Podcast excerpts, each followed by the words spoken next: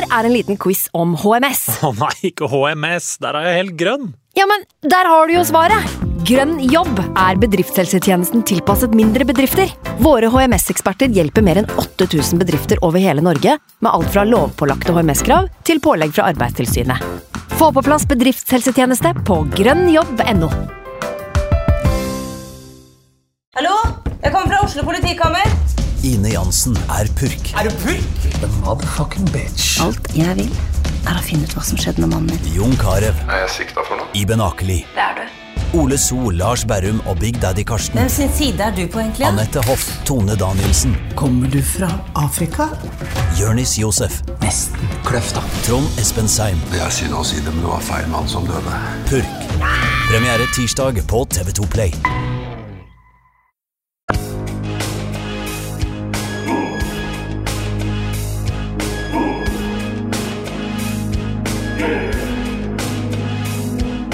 Sekstiniende. Den sekstiniende. Den sekstiniende.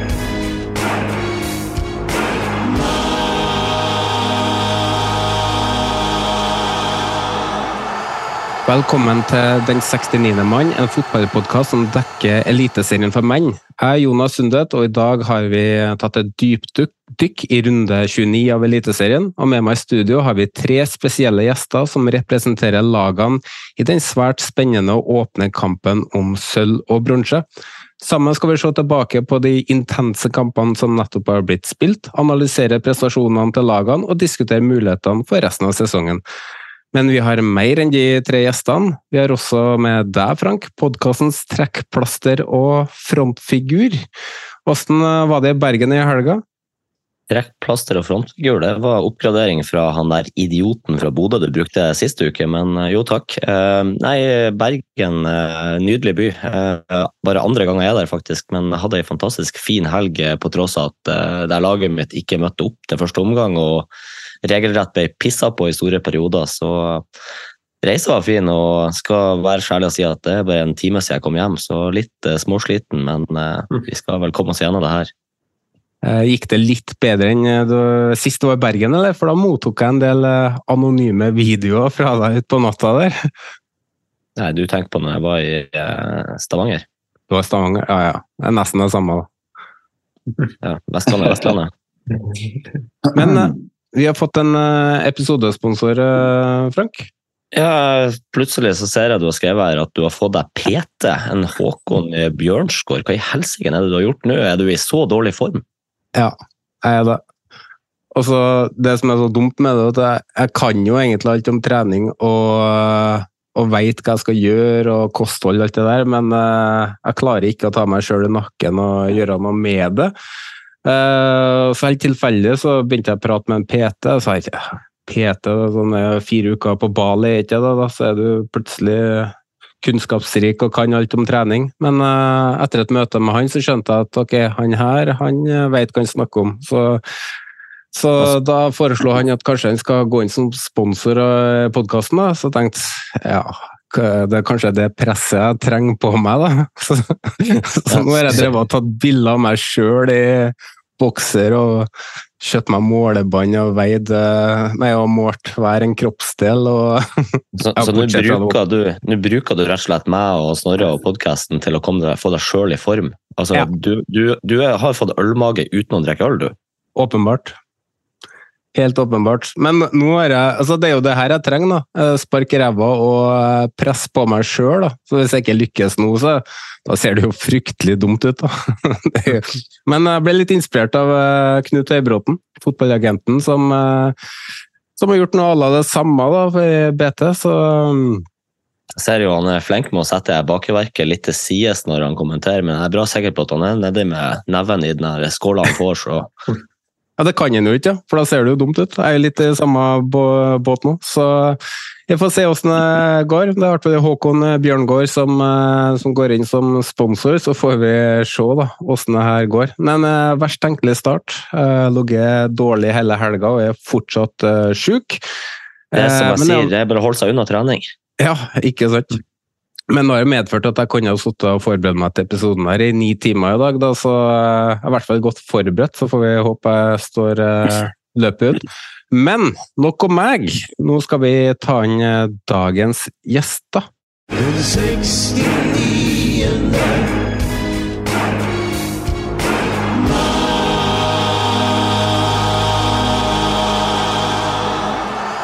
Dagens første gjest er en av de sikreste straffesparkskytterne i Vikings historie. Kun én bom ble det, en bom uten betydning, da den kom etter at seriegullet var sikra i 91. Kun Arve Knutsen, som i sin tid satt 21 av 22 straffespark, og Veton Berisha, som satt 17 av 18, er foran dagens gjest, som satt 13 av 14. Han er serie- og cupmester for Viking og ble klubbens toppskårer med sju mål i 1994. I de siste årene har han gjort som ungdommen flest. Han skriver blogg, riktignok en blogg om vikingfotball, for Stavanger Aftenblad. Velkommen som gjest hos oss, Ingve Bø. Takk for det. Jeg har nå fortrengt det der straffesparket som ble brunnet, da, men sånn er det. vi, vi, har, eh, vi, har, en del informanter, så uh, fikk tidlig melding om akkurat den. og Husker du datoen nå, eller? Nei, som sagt, uh, vi var vel allerede seriemester da i 91, så når du har sagt, da, da kan jeg begynne eller fortsette med å si det. Jeg har ikke brent et obligatorisk straffe som hadde betydning. Det var det jeg fikk beskjed om at du kom til å svare. ja, det er sant, det. Eh, du ble jo omskolert fra høyrekant til høyreback da du kom til Viking, men, eh, men, også noen kamper som midtstopper. Eh, da du signerte for Viking, så var ikke jeg født, så jeg har jo ikke sett deg spille. Men hvilken spillertype var du? Nei, jeg hadde vel Eller jeg hadde fart og fysikk som min forse. Så jeg var jo tidligere egentlig, som du sier, framover på banen. Både uh, spiss og flanke. Og jeg ble jo henta til Viking i utgangspunktet for å være en backup til, til Svein Fjellberg på høyre back. Sånn ble det ikke, så jeg hadde jo halve perioden min i Viking. På syv, syv år spilte jeg uh, midtstopper. Og så var det høyre eller venstre back.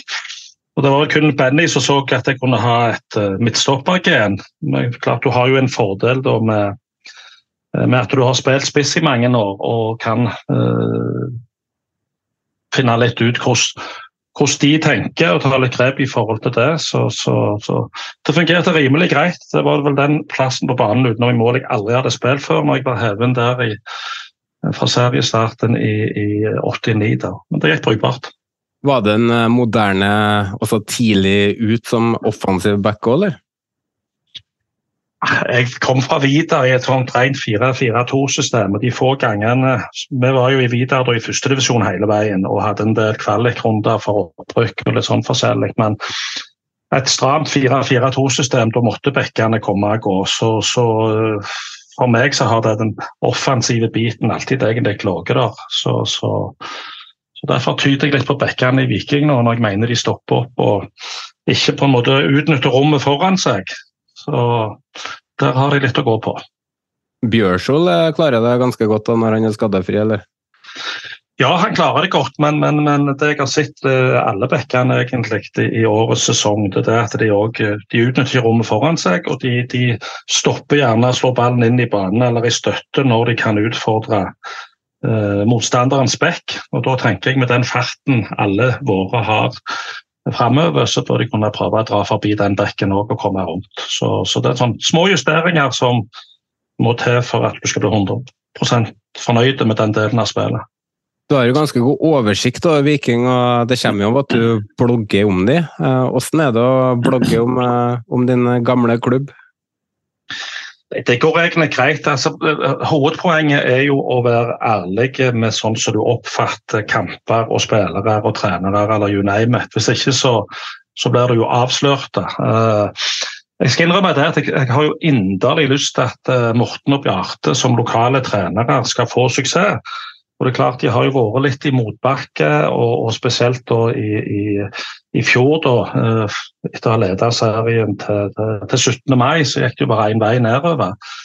Eh, de har fått litt pepper for litt vingling i spillestil og litt frem og tilbake. Nå har de stått i den spillestilen de sammen med laget har bestemt. Og, og, og jeg syns det er tøft av dem. For det er klart at har, de har jo hatt en lengre periode med litt motgang nå i, i høst òg. Fra å toppe tabellen til å gå på en skikkelig uh, blemmerunde. Og, og, derfor så er det jo nå eh, Kan det bli medalje, men da er vi jo avhengig av at uh, Vålerengen òg smeller til, blant annet skal snakke litt mer om eh, Viking etter hvert. Eh, vi må få inn dagens andre gjest, for han har vært med oss tidligere. En av Norges mest populære podkastere, i hvert fall innenfor sport.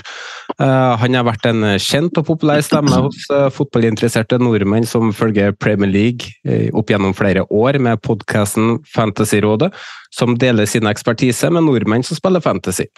Før denne sesongen her var han og makkerne også klar for norsk fotball, da de i samarbeid med TV 2 lanserte TV 2 Eliterådet. Av alle gjester vi har hatt innom, så er det ingen som har et så erotisk og flott navn som dagens gjest. Velkommen tilbake til oss, podkaststjerne, forfatter, familiefar og Tromsø medgangssupporter, Franco Rocher. Du, eh, det, det, det, går jo litt sånn der sporty å, å, uttrykke takknemlighet for en veldig god intro, men det tror jeg er det beste jeg har fått. Det er sånn hands down, helt ærlig. Kjempevarm. Du er en varm og fin fyr, trønderfaen. Men, eh, men eh, veldig, veldig koselig koselig å være tilbake. Jeg eh, skal prøve å ikke bli liksom like altså Det er veldig sjeldent jeg er i samme rom eller samme fora med noen som heter Frank. Så jeg blir, jeg blir forvirra hver gang du starter på Frank, og så tror jeg det skal gå, så jeg blir litt sånn stressa hver gang. Uh, så det, det, det, men det er veldig hyggelig å være tilbake igjen. Og jeg føler meg jo litt som sånn odd one out når vi har et sånn stjernegalleri av gjester her. Og så prøvde jeg til og med å kaste andre navn på deg, og så sa du bare 'vi er fornøyd med deg, vi'. Ja. så, så, så, Selvfølgelig. Ja. Veldig hyggelig. Men jeg er godt fornøyd med introen, da, for gikk, du gikk jo under medgangssupporter der. Stemmer det, eller? Uh, ja, i hvert fall hvis du skal sammenligne supporteruttrykket med dere som eh, fer og reiser og besøker stadion og følger lag gjennom tykt og tynt, så kan ikke jeg si at jeg har gjort det på samme måte. Vi hadde jo den runden her forrige gang. Eh, jeg er jo fra et sted utafor eh, Tromsø, så jeg har jo vokst opp uten veldig sånn sterk tilknytning til Eliteserien. Men Franco, Franco, du må spørre Jonas hvor mange kamper han har sett på stadion i år. Kan ikke la Franco fortsette å prate nå? er det null? Nei, det er nei, Hvor mange? To? Oi, to, ja. ja, ja. Men målbånd har du kjøpt?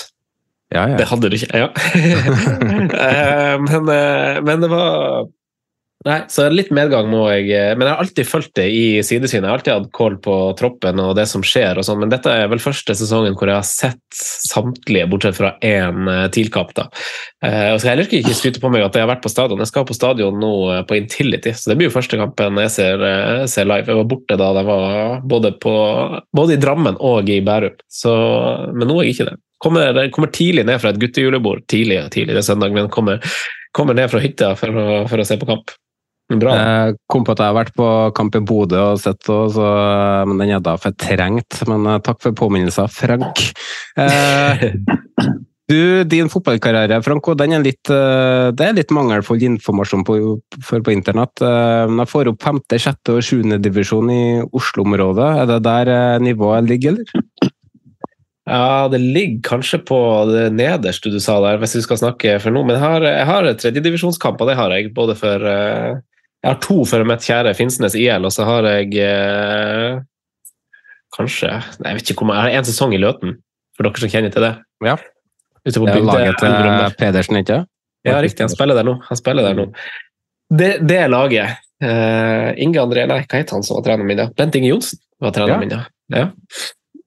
Riktig. Så det begynner å bli tok den, tok den veien før han gikk til Lyn, han med andre ord? Ja, det kan være. Ja, kan være. Men uh, du er også forfatter. Uh, fortell litt om boka di 'Fantasy-vettreglene', som er tittelen på boka som kom ut for ikke så altfor lenge siden. Ja, det stemmer det. Den er jo i uh, Det var jo faktisk, Sina Franke Frank her òg nå, det var jo egentlig Den er jo skrevet i forlaget til, som Amal er deleier av. De likte jo Han har jo skrevet bok i samme forlag, holdt jeg på å si. Eller han har vel ikke skrevet den, men han har ei bok.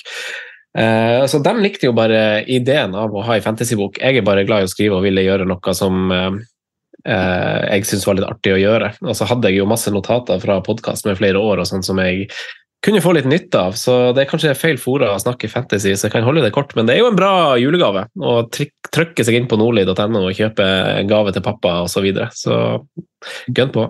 Vi er jo i samme fantasy-liga, Franco, og åpenbart så hadde jeg trengt den boka, for å si det sånn. Men nok om det. For du er ikke den eneste Bra. forfatteren som er med oss i dag, Franco. For vi har med oss en eh, forfatterspire som fikk sin bokdebut om keeperrollen for omtrent et år siden. Men det er ikke det han er mest kjent for, for dagens tredje gjest har hatt en lang og innholdsrik karriere med hele 422 offisielle klubbkamper, i tillegg til tolv kamper for A-landslaget. Han har vært involvert i tre nedrykk og ett opprykk. Han har vært proff i Danmark, han er serie- og cupmester i Norge og har mottatt Kniksen-prisen for årets målvakt to år på rad, og han ble den femte keeperen i historien som skåra mål da han satte den i mål fra egen banehalvdel for start mot Vålerenga. Velkommen til dagens tredje og siste gjest, Håkon Oppdal. Tusen takk for det. Det var jo, du er god på introer, da. Det skal du ha. Så, eh, Som sagt, jeg har vært hjemme i hele dag med sykdom, hatt masse tid. Så... Har brukt tida godt, vet du. Ja, nei, nei, tusen takk. Veldig kjekt å få, å få være her. Det er, og, det er jo en eh, ja, helt vanvittig innspurt på, på Eliteserien, så jeg ser fram til til å snakke om det. altså. Det blir spennende, det. Men uh, keeperrollen det er jo noe du, du brenner så mye for den, at du rett og slett skrev bok? Ja, jeg gjorde det. Eh, mot slutten av karrieren, når jeg begynte å få beskjed om at jeg kanskje må, må slutte med dette her og begynne på noe annet, så tenkte jeg liksom, hva er det jeg har vært med på, hva er det jeg har via livet mitt til. Det begynte når jeg var fem-seks år. Sant? Å stå i målet der og så prøve å holde den ballen ute. og så tenkte jeg at det, ja, det her, eh, det her vet ikke så mange hvordan føles, rett og slett. Det var en del som spurte meg sånn på trening. For det var rett og slett eh, kaos på keeperfronten i Brann i, i, 2021. Ikke bare på keeperfronten, det var jo kaos eh, på de fleste fronter i Brann i 2021, men også på keeperfronten. Um, og da det, fikk jeg noen spørsmål liksom, hvordan er egentlig dette her. Uh, og så kjente jeg litt på spørsmålet at dette her her trengs det liksom mer enn eh, et par setninger etter en trening for å forklare. Eh, så begynte jeg også å tenke litt over hva jeg har gjort, og så begynte jeg å skrive. Sånn som Frank så liker jeg å skrive. Så det, jeg synes det var veldig gøy. Delte det med keepertreneren min, og jeg fant ut at det her kunne bli noe. Så ble det jo det, da. Eh, ja. Det var veldig, veldig, veldig kjekt. Jeg burde jo absolutt ha lest boka di. Jeg er ikke noen leser, da, men alt jeg har lest, det er jo fotballrelatert, og gjerne skrevet av fotballpersonligheter. Så ja. den, den, står på lista mi, så det må jeg få, få gjort. Ja, nei, men det, det, er jo faktisk som lydboka, da, så det er jo bare å, å høre hvis du vil det. Så, Enda bedre. Jeg, jeg, har lest den inn, faktisk. Så, det, det er du jo, som har lest den inn, ja? Jeg leser sjøl, jeg gjør det. Ja, det, det, det skal ordne. Ja. Det skal ordne, definitivt. Altså, jeg får, eh, får, bare slenge meg på, Frank, og benytte sjansen til at det snart er jul, så er det bare til å klinke til. ikke det? Skal si til samboeren min Hun spør alltid hva jeg ønsker, så sier jeg nei, det, det bør du vite. Og hun burde åpenbart ha skjønt at jeg skal ha lydboka til Håkon Oppdal. Det forventer jeg, men kanskje jeg skal gi et hint. Eh, men du skåra jo mot uh, Vålerenga fra egen banehalvdel, og så jubla du hemningsløst etterpå. Og så beklaga mm. du. Var det sympatien for keeperen på motsatt side som slo inn, eller? Ja, jeg jubla jo hemningsløst, jeg gjorde det. Og jeg skriver jo litt om dette her. fordi det er jo sånn at uh, jeg har jo sett keepere som skårer rundt omkring. Spesielt Tim Howard har jo et mål der han skårer på et ganske utspill som, som går altfor langt, og så spretter det, og så er det vind. og så er det jo egentlig bare fryktelig dårlig av han andre keeperen. Så blir han egentlig litt lei seg. Han blir litt sånn snurt bare ryggen til ryggen til alle og bare går mot eget mål. Det her er fryktelig, det jeg har gjort. omtrent. Medspillerne kommer hoppende til og jubler med han, men han bare nekter alt. Uh, jeg gjorde jo ikke det, da. Jeg mista jo fullstendig hodet, sprang rundt på Ullevål. Um, men det var jo fordi det betydde ganske mye for oss, det målet. Vi holdt oss faktisk i Eliteserien med start, med uavgjort i den kampen der. Og den ble 1-1. Så så det betydde mye for oss. Men, men jeg beklager ikke at jeg skårte. Jeg beklager egentlig bare at jeg jubla. Mm. Ja, og det er en stor forskjell på det. Jeg eh, har jo sjøl skåra på utspill, og eh, min feiring den, den hadde fått sett din feiring til å se veldig lite spektakulær ut. Så, men, så, sånn er jeg, da. Eh, men, men ofte så møter jeg på en eh, person rundt omkring Sandefjordsområdet, eh, Peter Kovac. Eh, prater litt med han i ny og ne, og tenker hva synes du egentlig om han? Nei, han har jeg ingenting uh, uoppgjort med, egentlig. Uh, jeg forstår veldig godt at han gjorde som han gjorde, i, i kampens hete. Så så er det liksom At du skulle gjøre noe annet det, ja, Man kunne gjort noe annet, men jeg kan ikke forvente det. Uh, og vi har jo skvær opp vi etterpå, fordi han har jo sett i ettertid at det ser litt dumt ut og sånn, men eh, så, så det er ingen problem. Eh, Verre var det kanskje med treneren som sto på på sidelinja og jubla og egentlig eh, Jeg satt jo, jeg satt jo hjemme eh, et par måneder etterpå, eller iallfall noen uker etterpå. Når det, neste, det var jo i cupen, dette. Så det var neste cuprunde der han fortsatt står på TV og, og sier at, eh, at jeg sklei, eller at det var helt sånn Det var ingenting ekstraordinært som skjedde i den situasjonen. Og der sitter jeg hjemme med en, en skade som er karrieretruende. Det var ikke sikkert jeg kunne komme tilbake i det hele tatt etter den skaden. der. Det var sånn legene vurderte liksom om dette gikk eller ikke. Så, så da blir det liksom Det blir litt for eh, hovmodig for meg, da. Dag eller Fagermo, så for et sjokk. Vanligvis så pleier vi å sette av eh, god tid til å snakke med gjestene om eh, deres liv og karriere, men eh, siden vi er tre stykker i dag og mye innhold som må gjennomgås, så tar vi oss ikke tida til det nå, men inviterer heller dagens gjester med ved en senere anledning, hvor vi kan gå litt mer i dybden på deres karriere. Og, men det er klart, jeg vil si en ting. Og det, det er helt, helt utrolig. Nei, Jeg skal ikke si noe mer. Nå er jeg kom, kom med det! så forbanna, så jeg ser rett ut. Vi må over på det vi har plukka ut som ukas snakkes, og vi skal um, uh, da til bibelbeltet og det glade Sørlandet, til Start en drøm som uh, virkelig har utvikla seg til Start et mareritt. Og jeg tenkte for eventuelt nye lyttere som ikke har fått med seg hva som har skjedd i år, og nå i helga, så har jeg en liten oppsummering her. Liten og liten, den er ganske lang faktisk. I sommer så valgte fysisk trener Atle Tunselle å si opp i protest, og han sier klubben er i mine øyne syk. Den gjør, at, den gjør folk sliten av å jobbe i et slikt klima, uttalte han til Fedrelandsvennen. Det kom etter at samme avis hadde omtalt misnøye og drøftelsesmøter med sportslig leder Magni Fannberg. Tidligere i år vedtok klubben et budsjett som la opp til et millionunderskudd, samtidig som man forventa spillersalg på sju millioner. I sommer gikk daglig leder Terje Markussen ut i avisa og krevde opprykk denne sesongen. Han fikk svar fra Fannberg, som mente at det var urimelige krav. I starten av november uh, ble de ansatte kalt inn til allmøte. Spillere og trenere på utgående kontrakt fikk beskjed om at de burde finne seg noe annet å gjøre. Henrik Robstad uttalte i etterkant av, av møtet um, og sa følgende på spørsmål om uh, spillerne hadde tillit til ledelsen. Det er vanskelig å svare på, egentlig. Det er første gang i hele år hvor vi har sett noe til dem. Folk vet egentlig ikke hvem som er der oppe engang. Det starta allerede på fredag, det som er av nyere karakter. Da, Eh, da Starts assistenttrener Endre Eide offentlig gikk ut og slakta klubben og tok et oppgjør med kulturen. Han sier Start er langt unna eh, når det gjelder måten man behandler mennesker på. Klubben har eh, opplevd flere henvendelser og uenigheter denne, denne sesongen. Hendelser og uenigheter denne sesongen. Sportssjef Magne Fannberg sier at han tar bekymringene til Eide på alvor. Og på lørdag, bare som toppen av kransekaka, eh, så skal Start ta imot Bryne til kvalikoppgjør på Sør Arena. Brynes eh, supportere mobiliserte og fikk økonomisk hjelp fra Erling Braut Haaland, som spanderte tur-retur på Brynes supportere. Eh, Og det var et fint antall som dro til Kristiansand. På styremøtet tidligere i uka hadde derimot Start sitt styre funnet ut at de skulle spare 150 000 på å ikke slå på undervarme, da de antok at det ikke ville bli minusgrader, noe som endte med at banen var isatt og ikke spillbar. Dermed avlyste dommeren oppgjøret, og Bryne ble søndag tilkjent seieren på walkover.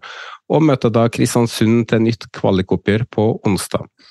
Og det hele endte med at Starts daglig leder Terje Markussen varsla sin avgang. Håkon, hva i all verden er det som skjer i din eh, tidligere klubb? Ja, si det. Si det. Uh, dette er jo en helt, dette må vi ha en, nesten en egen episode for. Uh, det er jo det er jo bare tragisk, da. Uh, det som skjer, spesielt det siste du tar opp der, med at banen ikke spiller klar. fordi at det er greit nok å tape en kamp, det går an. Men å ikke få spilt kampen engang, det er jo bare helt utilgivelig, egentlig. fordi fotball er følelse. Fotball betyr så utrolig mye for så mange. Eh, og så betyr det jo egentlig ingenting, men, men, men allikevel. Eh, det er ikke det alle føler. Alle som er i fotball, vet at det, de ofrer liksom alt når du går inn der. Om du er spiller, eller om du er trener eller om du er supporter, så, så er det liksom eh, ikke noe du kødder med. da. Det er, det er livet til folk. Så, så det, det, skal man ta på, på alvor. Eh, og sånne feil blir Ehm, I den grad du kan bruke ord som tragisk i fotball, så, så syns jeg at du kan bruke det her. Fordi Nei, det Og i tillegg så føyer det seg inn i rekken av den rekken som du nevner her, da, av, av, hendelser som har vært. Eh, og nå begynte jo du bare i år. Eh, du, hadde du gått eh, noen år lenger tilbake der, så ja, eh, for, så, for, Var det uro ja. og kaos når du var der i klubben nå, eller? For, det, for jeg mener, husk at det var jo litt gjennomtrekk av klubbmenn, om jeg ikke husker helt feil. og Kontinuitet er jo viktig i en fotballklubb. Um, ja. Uh, når jeg kom til Start i 2013, så var det Mons og Mjelde som var trener der. Uh, vi hadde både daglig leder og og styreleder var egentlig ganske stabil. Eh, laget var nyopprykka. Eh, Mons satt som trener i fire, fire og et halvt år. Vi holdt oss i Eliteserien eh, de, fem, de fem årene. Altså, han fikk sparken halvveis ut i sesong fem, eh, eller fire. Og så eh, holdt vi oss, og så rykka vi ned året etterpå. Og Da var det egentlig en ganske stabil tid. Eh, det var en, en forholdsvis stabil spillertropp, men selvfølgelig utskiftninger, det er jo i alle klubber.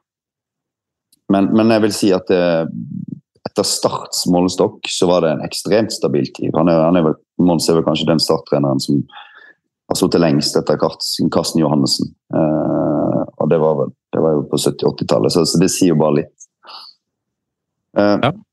Og så begynte jo uh, litt uro å komme etter det, med et nedrykk og en satsing. Det kommer noen, som du nevnte, Start en drøm inn fra siden der, som på en måte puster litt eh, eh, økonomiske midler inn i klubben. Og, eh, og den satsingen stranda jo i egentlig første forsøk på ja, Klarte et lite opprykk på høsten der, og så gikk du rett ned en år etterpå. Det er jo en, er en gigantisk fiasko for et sånt prosjekt. sant? Da, da, er du i gang. Da, da, mister du litt troverdighet, du mister selvtillit, du mister tro, litt troen på det du holder på med. Uh, og så eskalerte det egentlig bare videre inn i i sesongen etterpå. Men allikevel så klarer du på en måte en eller annen merkelig måte Vi husker vel alle den kvalikkampen mot Lillestrøm der du altså Start ligger under 3-0, og så plutselig så er det et kvarter igjen, og så skårer de tre mål. og så er det bare er det helt sånn elleville tilstander. Det, men, men, det er ikke nok da, til, til, å, til å redde det prosjektet. der, og Etter det så, så har jeg fulgt klubben ganske tett. Kjenner jo folk der nede, kjenner supportere, kjenner folk i klubben. Så, men det har, vært, det har vært rotete, rett og slett, for å si det, for å si det mildt. Um, det virker som det er mange som har mye meninger. Det er ikke så mange som drar i samme retning, virker det som. Um, mange, mange uttalelser i media fra, fra, folk på innsiden som egentlig går på tvers av alt det som er, som er strategi, hvis det, hvis det finnes en enhetlig strategi. Noe det kanskje ikke virker som at det gjør. Så, så det, det, er ekstremt mye å ta tak i. Uh, og jeg, veldig, jeg syns det er veldig synd. Jeg hadde en utrolig fin tid på, på Sørlandet. De årene i Kristiansand var uh, en fantastisk by, fantastisk stadion. Uh, et enormt potensial for, for, å få til noe bra på fotballbanen. Det har de vist før, men det, det er jo lenge siden. Så, så, det er på tide igjen at det, at det kommer noen som ja, som kan sette en retning, og som kan, kan samle både by og supportere og lag om ja, hva er Start for noe? Hvem skal de være? Hvem vil de være? Eh, jeg har tusen oppfølgingsspørsmål, men du har helt rett. Vi skulle ha satt av en hel episode til det her, Håkon. Få For å koble på deg og Yngve. Eh, Var det riktig utfall å tilkjenne Bryne seieren, syns du? Ja, Der er jo reglene klokkeklare, så klart det er det. Og, og, og det å gamble når du nærmer deg desember måned på at uh, det skal være uh, mildt på nettene og sånt, noe, den, uh, den holder bare ikke. Så det, Jeg syns òg det er fryktelig trist, for som Håkon sier, altså, du skal vinne fotballkamper med å spille dem. Uh, så jeg syns det er fryktelig trist, men, men uh, Håkon kjenner jo til dette mer enn meg. For meg er det bare det jeg leser i aviser det jeg får med meg, men det er jo ingen tvil om at de, de siste årene så har det vært gjort sykt mye merkelig i start. Det var i den perioden òg det var noe tumulter med Rekdal og litt sånn forskjellig òg. Altså, uh, det, det, det, er fryktelig trist for, for meg, for den generasjonen jeg er ifra, så skal vi ha Start som et godt, stabilt eliteserielag, og det har det dessverre ikke vært de siste årene. Branko, du kommer jo fra Tromsø, hvor, det, hvor, man slår på undervarmen i august og slår den av i juni året etter. Hvor amatørmessig er det her av Start? Ja, for oss så ser det jo ekstra snålt ut, vet du. Vi, det gjør jo det. Nei, jeg har uh, ingenting mer å si enn det som har blitt sagt. Det er utrolig uh, en utrolig snål uh, situasjon, og det blir liksom ikke mer start enn det. Eller det blir liksom who else, på en måte. De burde kjøpe sånn Balotelli-T-skjorte hele gjengen. Så det er veldig snålt, og man, man syns det er typisk. Frank, når assistenttrener Endre Eide går ut dagen før en sånn match og offentlig slakter klubben det, det er jo hvor skal man begynne? Det er, jo, det er jo bare et klart tegn på at her, her må det gjøres noe eh, drastisk og fort. og det, kan si at det er jo ikke bare assistenten som er problemet her. Jeg tenker at han føler at her må man kanskje få det ut mens timinga er der, eller hva tenker du? Nei, jeg blir, jeg blir, rett og slett eh, skremt, men det er jo en spiral den klubben har vært i egentlig altfor mange år nå. Og altså, Redegjørelsen til han Håkon er jo egentlig ganske god. Han forklarer jo egentlig mye av problemet som har vært i den klubben i lang tid. Så synd rett og slett at vi, en så stor by som eh, Kristiansand ikke kan ha et lag i den øverste divisjon, men akkurat nå så har de eh, altfor mye de må rydde opp i egen klubb før de kan ta steget tilbake til Eliteserien. Vi lar eh, Start være Start, og for å være ærlig, jeg håper de blir værende i Obos eh, lenge, og helt til de eh, klarer å få orden på klubben, administrasjonen og styret og det som er. Så får det heller begynne å bygge opp noe som faktisk holder, før de begynner å tenke på opprykk til Eliteserien. Altså, Jeg orker ikke å diskutere om folk tar hverandre opp i ræva, eller hva det er for noe sånt. Vi beveger oss uh, mot runde 29 av årets eliteserie. På um, åtte eliteseriekamper ble det skåra 34 mål, som gir uh, snitt på 4,25 mål per kamp. I denne oppsummeringa deler vi opp i tre bolker. Kampen om medalje, kampen om overlevelse og kampen om ingenting. Vi uh, kommer til å bruke mest tid på medalje- og nedrykkskampen i denne episoden, her, men vi må selvfølgelig innom de andre også. og Vi starter med å snakke om de Eh, hva man skal si da, ubetydelige kampene denne runden her, og da går vi til den meget viktige kampen om åttendeplassen på Lerkendal. Eh, for på lørdag ble eh, Strømsgodset juniorer norgesmester for første gang i klubbens historie, da de slo Rosenborg med Sverre Nypan på laget 4-3. Og klubbens A-lag tok med seg godfølelser ut på Lerkendal-matta på søndag og spilte som om de var på hjemmebane gjennom samtlige 90 minutter. Uh, det var vel egentlig aldri noe tvil om hvor seieren ville ende, for bortelaget var det klart beste laget fra start til slutt. Håkon, du har spilt en del oppgjør på slutten av sesongen der du kanskje ikke har noe å spille for. Hvor stor betydning har det, eller klarer man på en måte å få det meste ut når man kommer til ubetydelige kamper? Um, nei, er vel det svar, korte svaret på det, tenker jeg. Men, men, her er jo egentlig to lag som ikke har så veldig mye å spille for. og Da syns jeg at det bør stille seg litt annerledes. For da er det ganske jevnt. Eh, jeg skal ikke foregripe begivenhetene her, men vi kommer jo til, en, til noen kamper om, eh, om medalje her etterpå. Der det er litt de samme effektene som slår inn der. Jeg blir jo fortsatt minnet på denne kampen nede i Stavanger etter vi som Brann hadde endt på en andreplass før siste runde. Vi kunne verken bli nummer én eller nummer tre. og Så møtte vi Viking, som måtte vel vinne med fem mål eller noe sånt for å holde seg. og det gikk jo som det gikk. Så, så, så, så, altså, Nivået mellom lagene er ikke så stort eh, at hvis du, hvis du ikke er på, på plass, og det andre laget er så til de grader på plass, så, blir den forskjellen ganske stor ganske kjapt. altså. Men det som overrasker meg med en sånn kamp, er jo at det, det bør jo egentlig være ganske jevnt. Eh, sesongens siste hjemmekamp eh, for Rosenborg bør jo være nok til å egentlig til tenne de så, så mye som nødvendig. Åpenbart ikke, og vi skal ikke gå så detaljert til verks i den kampen, her, men vi kan si at 0-1 og 1-1, begge, eh, begge, de målene kommer som resultat av kontring. Men vi trekker frem 1-2-skåringa til Godset etter 34 minutter, for der dunker Wilsvik ballen i, i tverrliggeren etter en dødball, og i ettertrykket av dødballen så blir Skarsheim enkelt dribla av Thomasson, som slår inn over uh, på motsatt med yttersida. Enorm pasning. Wilsvik slår inn på ett touch, og der lurer Valsvik, som kaster seg inn og pirker ballen i ledelsen.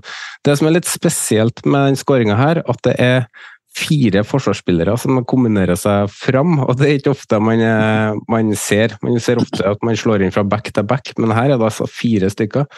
Eh, og Det er heller ikke første gangen i år hvor Valsvik skårer på bølge nummer to etter dødball, så det er jo et uh, vanvittig våpen uh, godset har. Så må jeg trekke fram Logi Thomasson, som kom, fra, fra, um, kom til godset fra Vikingur i sommer. og Fikk æren av å sette inn 1-3, også det med yttersida. Um, for å ta det kort og enkelt, da. Godset ville det mest. Det var tydelig at det betydde mest for dem. Og du ser på spillerne både før og etter kamp, gleden ved skåring og seier, at, um, at det her var godt for uh, Strømsgodset. Og at Rosenborg helt åpenbart har uh, tatt ferie. Så fullt fortjent seier til drammenserne. Men det var jo noen andre ting som skjedde i kampen her. For um, Håkon, du har jo spilt mot både André Hansen og Per Siljan Skjelbred, som har spilt sine siste kamper for Rosenborg på Lerkendal. Og kan ta André Hansen. da. Hvordan vil du rangere han som keeper de siste 20 årene i Eliteserien? Oh, nei, han har vært en rett og slett en, en bauta. Uh, en keepertype som si, Litt av den gamle, gamle typen. Uh, Utrolig stabil, solid. Uh, lite ekstraordinært, uh, syns jeg. men Altså en, en, veldig god keeper, en skuddstopper. Uh, en, en, som sprer trygghet og ro. Uh, så de nye, Mange av de nye keeperne som kommer opp, spiller jo på en litt annen måte enn en André. Uh, så har jo André han, han, er jo han er en del yngre enn meg, men likevel så føler jeg at han var en del av den, den gjengen som vi var. da, Som, som kom, kom med den si, de karakteristikkene vi hadde. Og så og så syns jeg det har vært eh, fint å se på. Han er en hedersmann og uh, alltid, alltid, hyggelig å snakke med og treffe og, og spille mot. Mm. Uh, Ingve, Per Silvan Skjelbred starta karrieren som unggutt i Rosenborg og fikk uh, mange gode år i tysk fotball før han kom hjem og ble en del av nedturen til Rosenborg. Hva er dine tanker om Per Siljan og hans karriere? Nei, Det har vært en fantastisk karriere. Han var veldig veldig god, god, i Rosenborg før han dro ut, og har gjort det, som du eh, sier, bra i, i Tyskland òg. Eh, så er det jo sånn at når du blir henta tilbake eh, til moderklubben, kall det nå det, da, så, så er det kanskje en av de feilene, feilene Rosenborg har gjort med å hente tilbake sånn som Henriksen og, og Skilbred. De, det generasjonsskiftet som nå vil komme Altså, De har ikke hatt uh, nok og gode nok spillere i stallen til på en måte å kunne overta for disse kalde gamlingene, sånn som jeg ser det. Uh, så, så, I den tida jeg spilte, så var jo Rosenborg det desidert beste laget til å låne ut sine egne dyktige spillere. Det var Roar Strand som de lånte til, ut til Molde fordi Molde spilte 4-3-3. Du hadde Harald Martin Brattbakk som de lånte ut til Bodø-Glimt fordi de spilte 4-3-3. Og så henta de de tilbake igjen og så rett inn på laget. Når de på en måte var gode nok. Der var jo Rosenborg eksepsjonelle. Uh, nå har uh, serievinneren Bodø-Glimt overtok litt der. og De som er ekstremt flinke til å ha dobbel dekning, og ikke minst med en gang de selger ut en av de som har prestert godt over tid, så har de erstatta en klar allerede. Eh, det føler jeg ikke Rosenborg har gjort nå. altså det, det er jo greit å hente tilbake rutine og, og, og fornuftig i utgangspunktet, og til et visst punkt går det. Eh, men jeg tror nå at uh, det var på tide for Rosenborg sin del at uh, Fjellbrett legger opp. Ikke fordi han har vært så jækla dårligere enn de andre, men det trengs nytt blod i den klubben.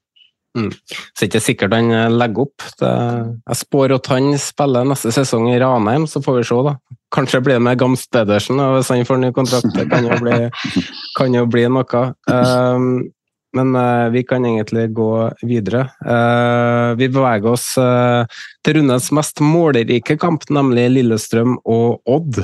Også to lag som ikke har all verden å spille for. og Det er jo litt typisk da, at når to lag ikke har noe å spille for, så renner jo inn. hvis man ser på statistikken fra kampen, så var den ganske så jevn, både i sjanseskapning og XG. Og eh, slik så virka det som at det var greit med uavgjort. Vi kunne sikkert ha brukt tid nå på å diskutere om 4-4-skåringa som kom på 11 minutter på overtid, eller hva det var, etter en eh, VAR-straffe. Om det er hands eller ikke. Men det må man åpenbart ha doktorgrad for å skjønne. Eh, eller er det det, Yngve? Har du skjønt hvordan hands-reglene du som blogger fra fotballverden? Nei, egentlig ikke. jeg har jo skjønt, eh, jeg har skjønt at de sier varom nok kunne hatt noen flere kurser. For, uh, men OK, reglene er der, var kommet for å bli. Sånn er det bare. Og, nei, nei, nei, nei, nei. Det, det, er ikke lov å si her i podkasten. ja, men jeg, jeg, tror, jeg tror nå det. Men uh, jeg må innrømme det at jeg, det, det, er ikke alltid jeg skjønner uh, hva det blir dømt for, for å si det helt enkelt. Og sånn skal det ikke være.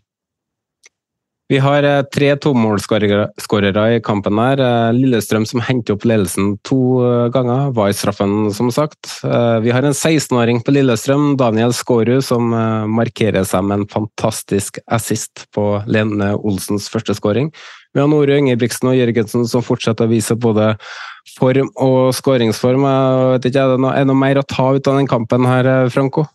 Eh, nei, det syns du oppsummerer egentlig det også fint. At det er jo eh, Nå så jeg Tromsø-kampen og bare sett høydepunkt fra den kampen. Og du sier det fint innledningsvis at det er to lag som ikke har noe å spille for og har, har tilsynelatende lave skuldre. Eh, men det er jo artig med målrike kamper. Så eh, artig for produktet Eliteserien, det.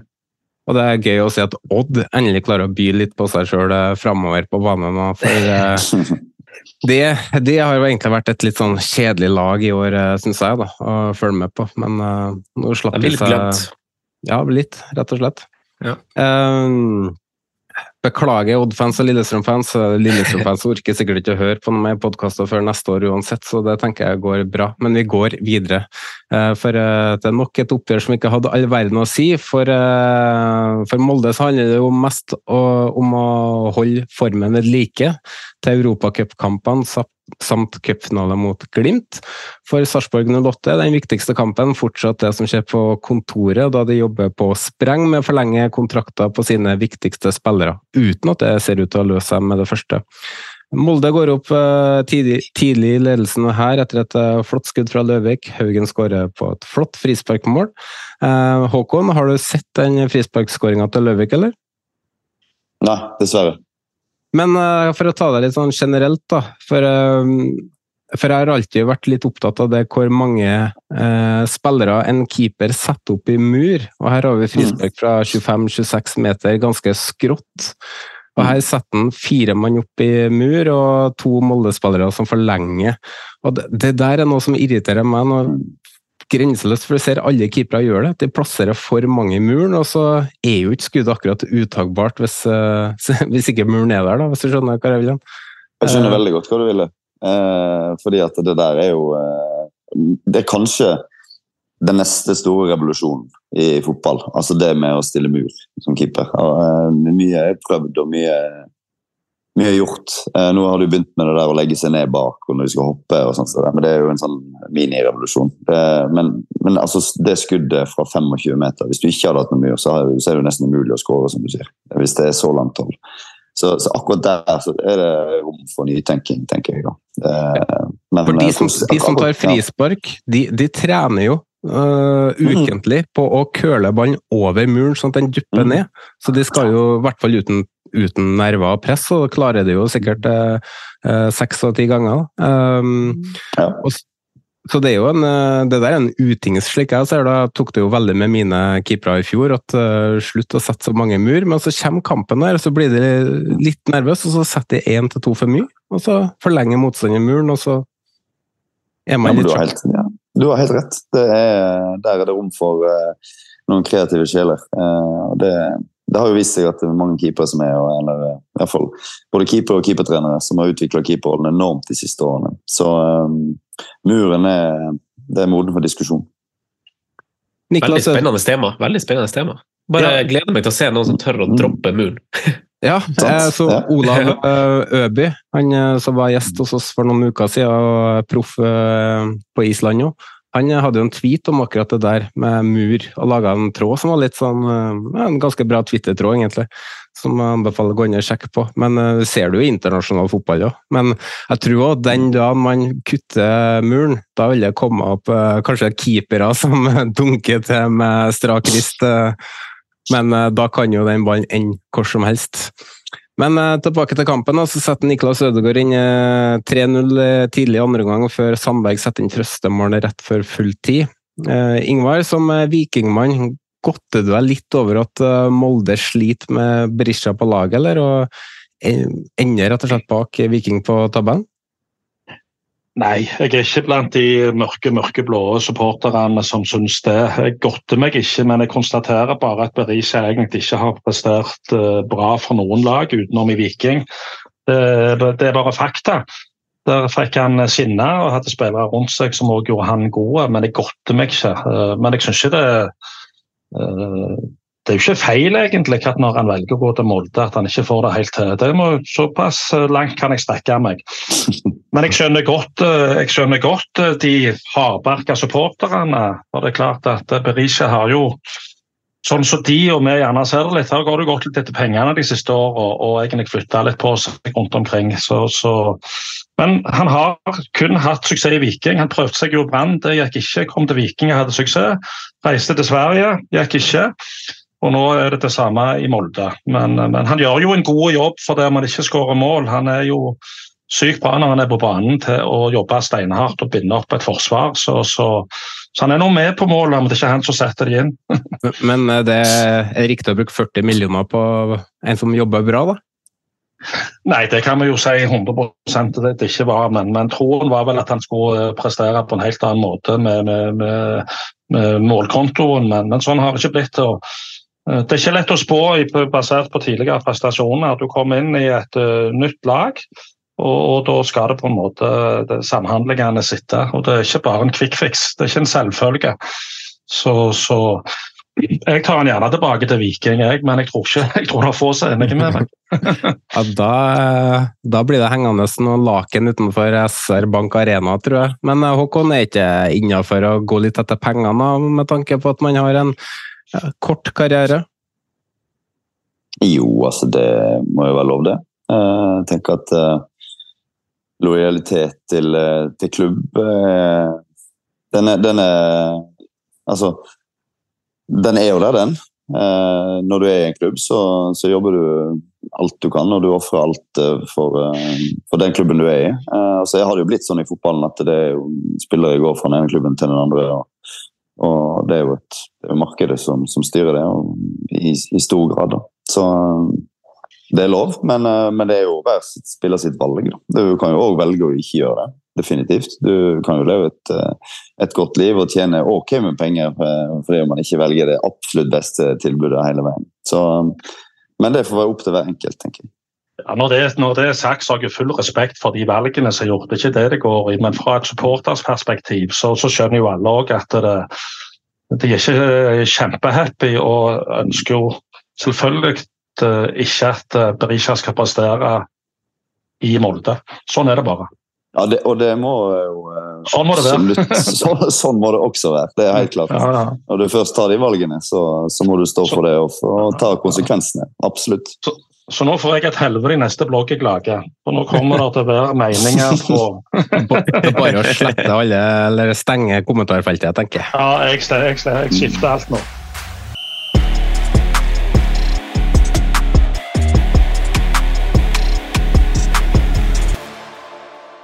Da kan vi bevege oss videre til der hvor spenninga er. og Vi starter med medaljekampen i oppgjøret som ble spilt i Ålesund.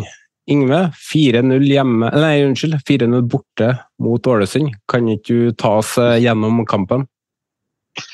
Det er jo en kamp som du egentlig frykter litt, for Ålesund har jo rykt ned. Men du tenker òg at de har senka skuldrene og er sugne på å gi Viking en kamp i sin siste ja, siste hjemmekamp.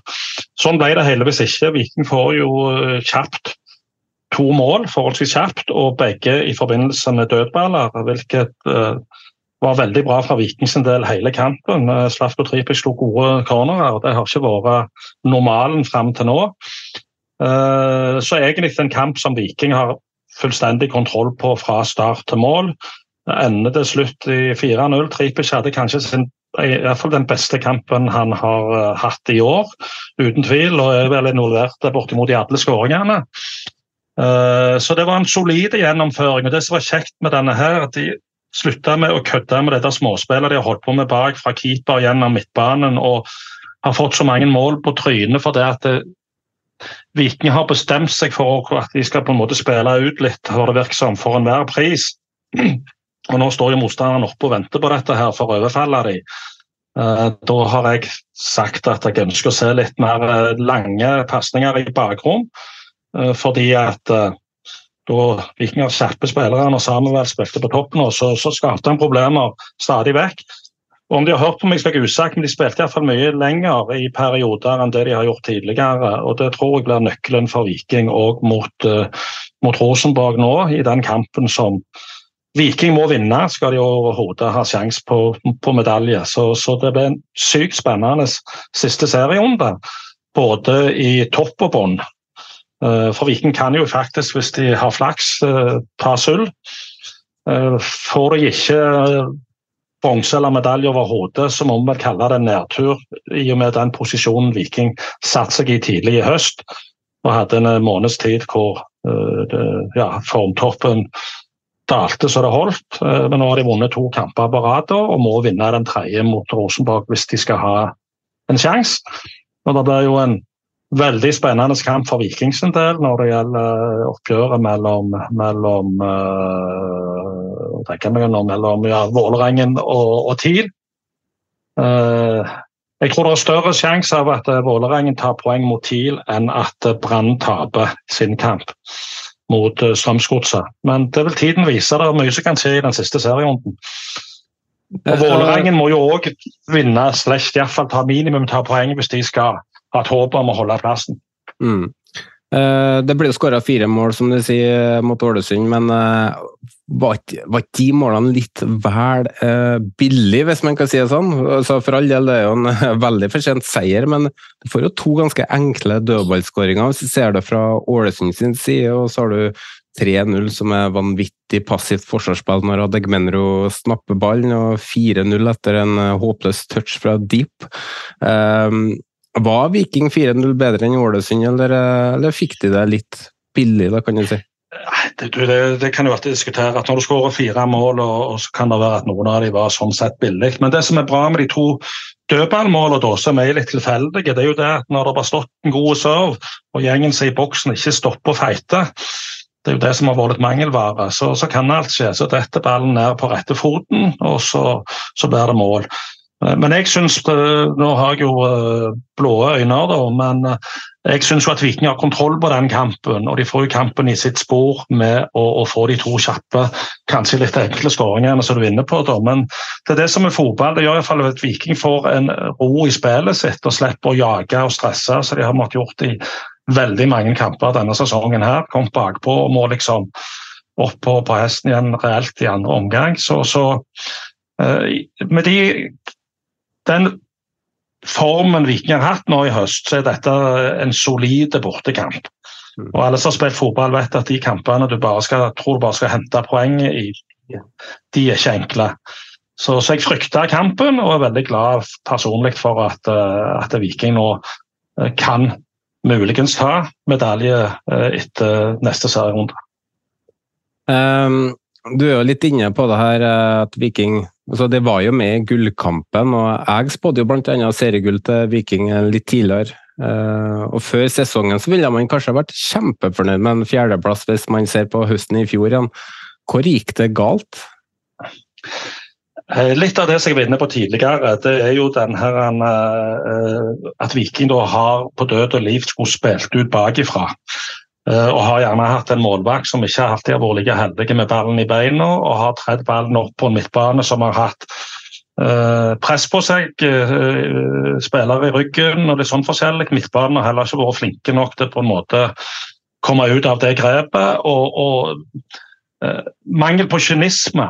Altså kampen mot uh, Tromsø, uh, når Viking da snur kampen og går opp til 3-2 og det er fem minutter igjen av ordinær tid, så skal ikke Tromsø ha sjanse overhodet til å kunne komme tilbake i den kampen. Da skal du bare låse Forsvaret, gå ned i 4-5-1 og fyre den ballen langt opp på motstanderens banehalvdel hver eneste mulighet du har å jage etter.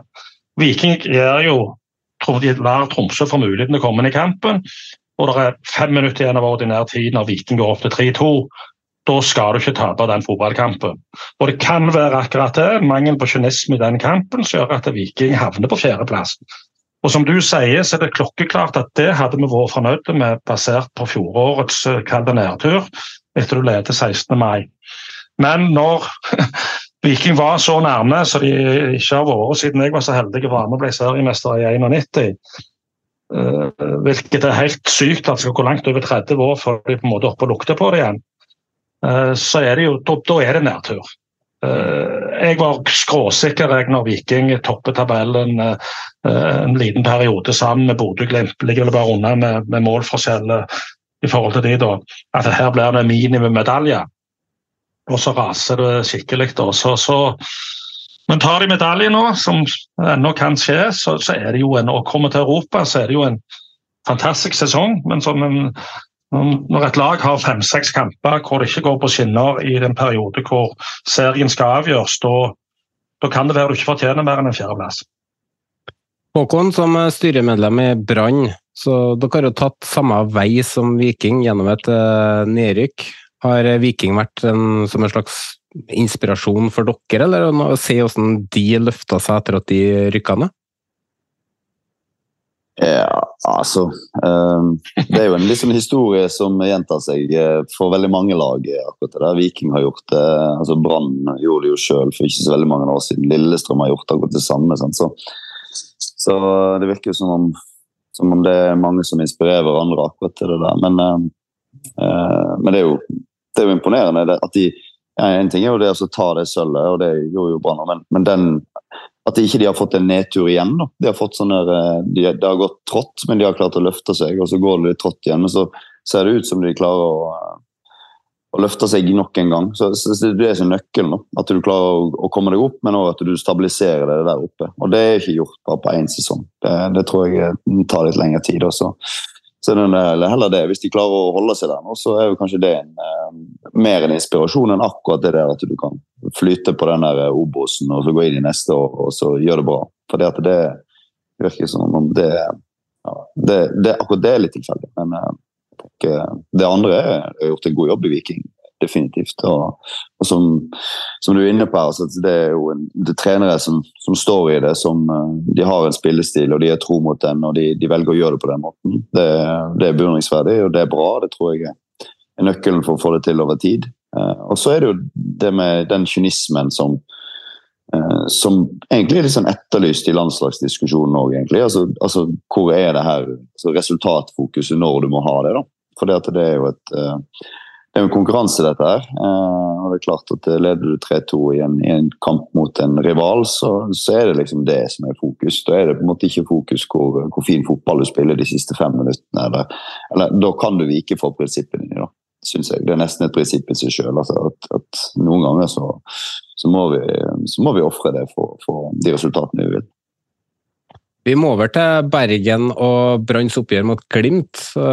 Håkon, eh, kan ikke du ta oss gjennom kampen for eh, oss som ikke fikk sett den? Jo, jeg var på stadion, jeg. Det var en, eh, en fantastisk kamp. Altså, de sto jo æresvakt for Bodø-Glimt når de entra banen. og så ja, hva, syns det, du, hva syns du om det, egentlig?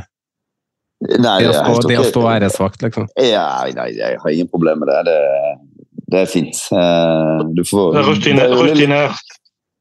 Ja, men det er, det er, jo fint, og du får jo den tilbake igjen. Det må jo være det sant? Det må jo være det som er litt av motivasjonen. At du, ja, neste gang så er det, så er det motsatt vei, tenker jeg. Um, motivasjon i seg sjøl. Nei, var, etter det så var det jo bare et lag på banen, eh, spesielt i første omgang. Altså, det var jo et, et fyrverkeri på Branns side som, der det Eh, de rett og slett eh, kjører over eh, Bodø-Glimt fullstendig, vil jeg si. Bodø-Glimt får aldri i gang sitt spill. Brann gjenvinner høyt i banen hele tida. Angrep på angrep på angrep. I tillegg til de målene som ble skåret, så var det vel to, i alle fall to-tre som ble annullert for, for hårfine offside. Altså. Så Bård Finne som det første målet der han setter i gang med altså, Han er inne i 16 og og beholder roen, drar av uh, stopperen der og bare setter en elegant i, i lengste hjørne. Det, han, har hatt en, han hadde jo en fantastisk første del av sesongen, og så eh, har det butta litt mer imot. Men han, han, er jo en spiss som jobber utrettelig og er helt fantastisk eh, både fotballspiller og person.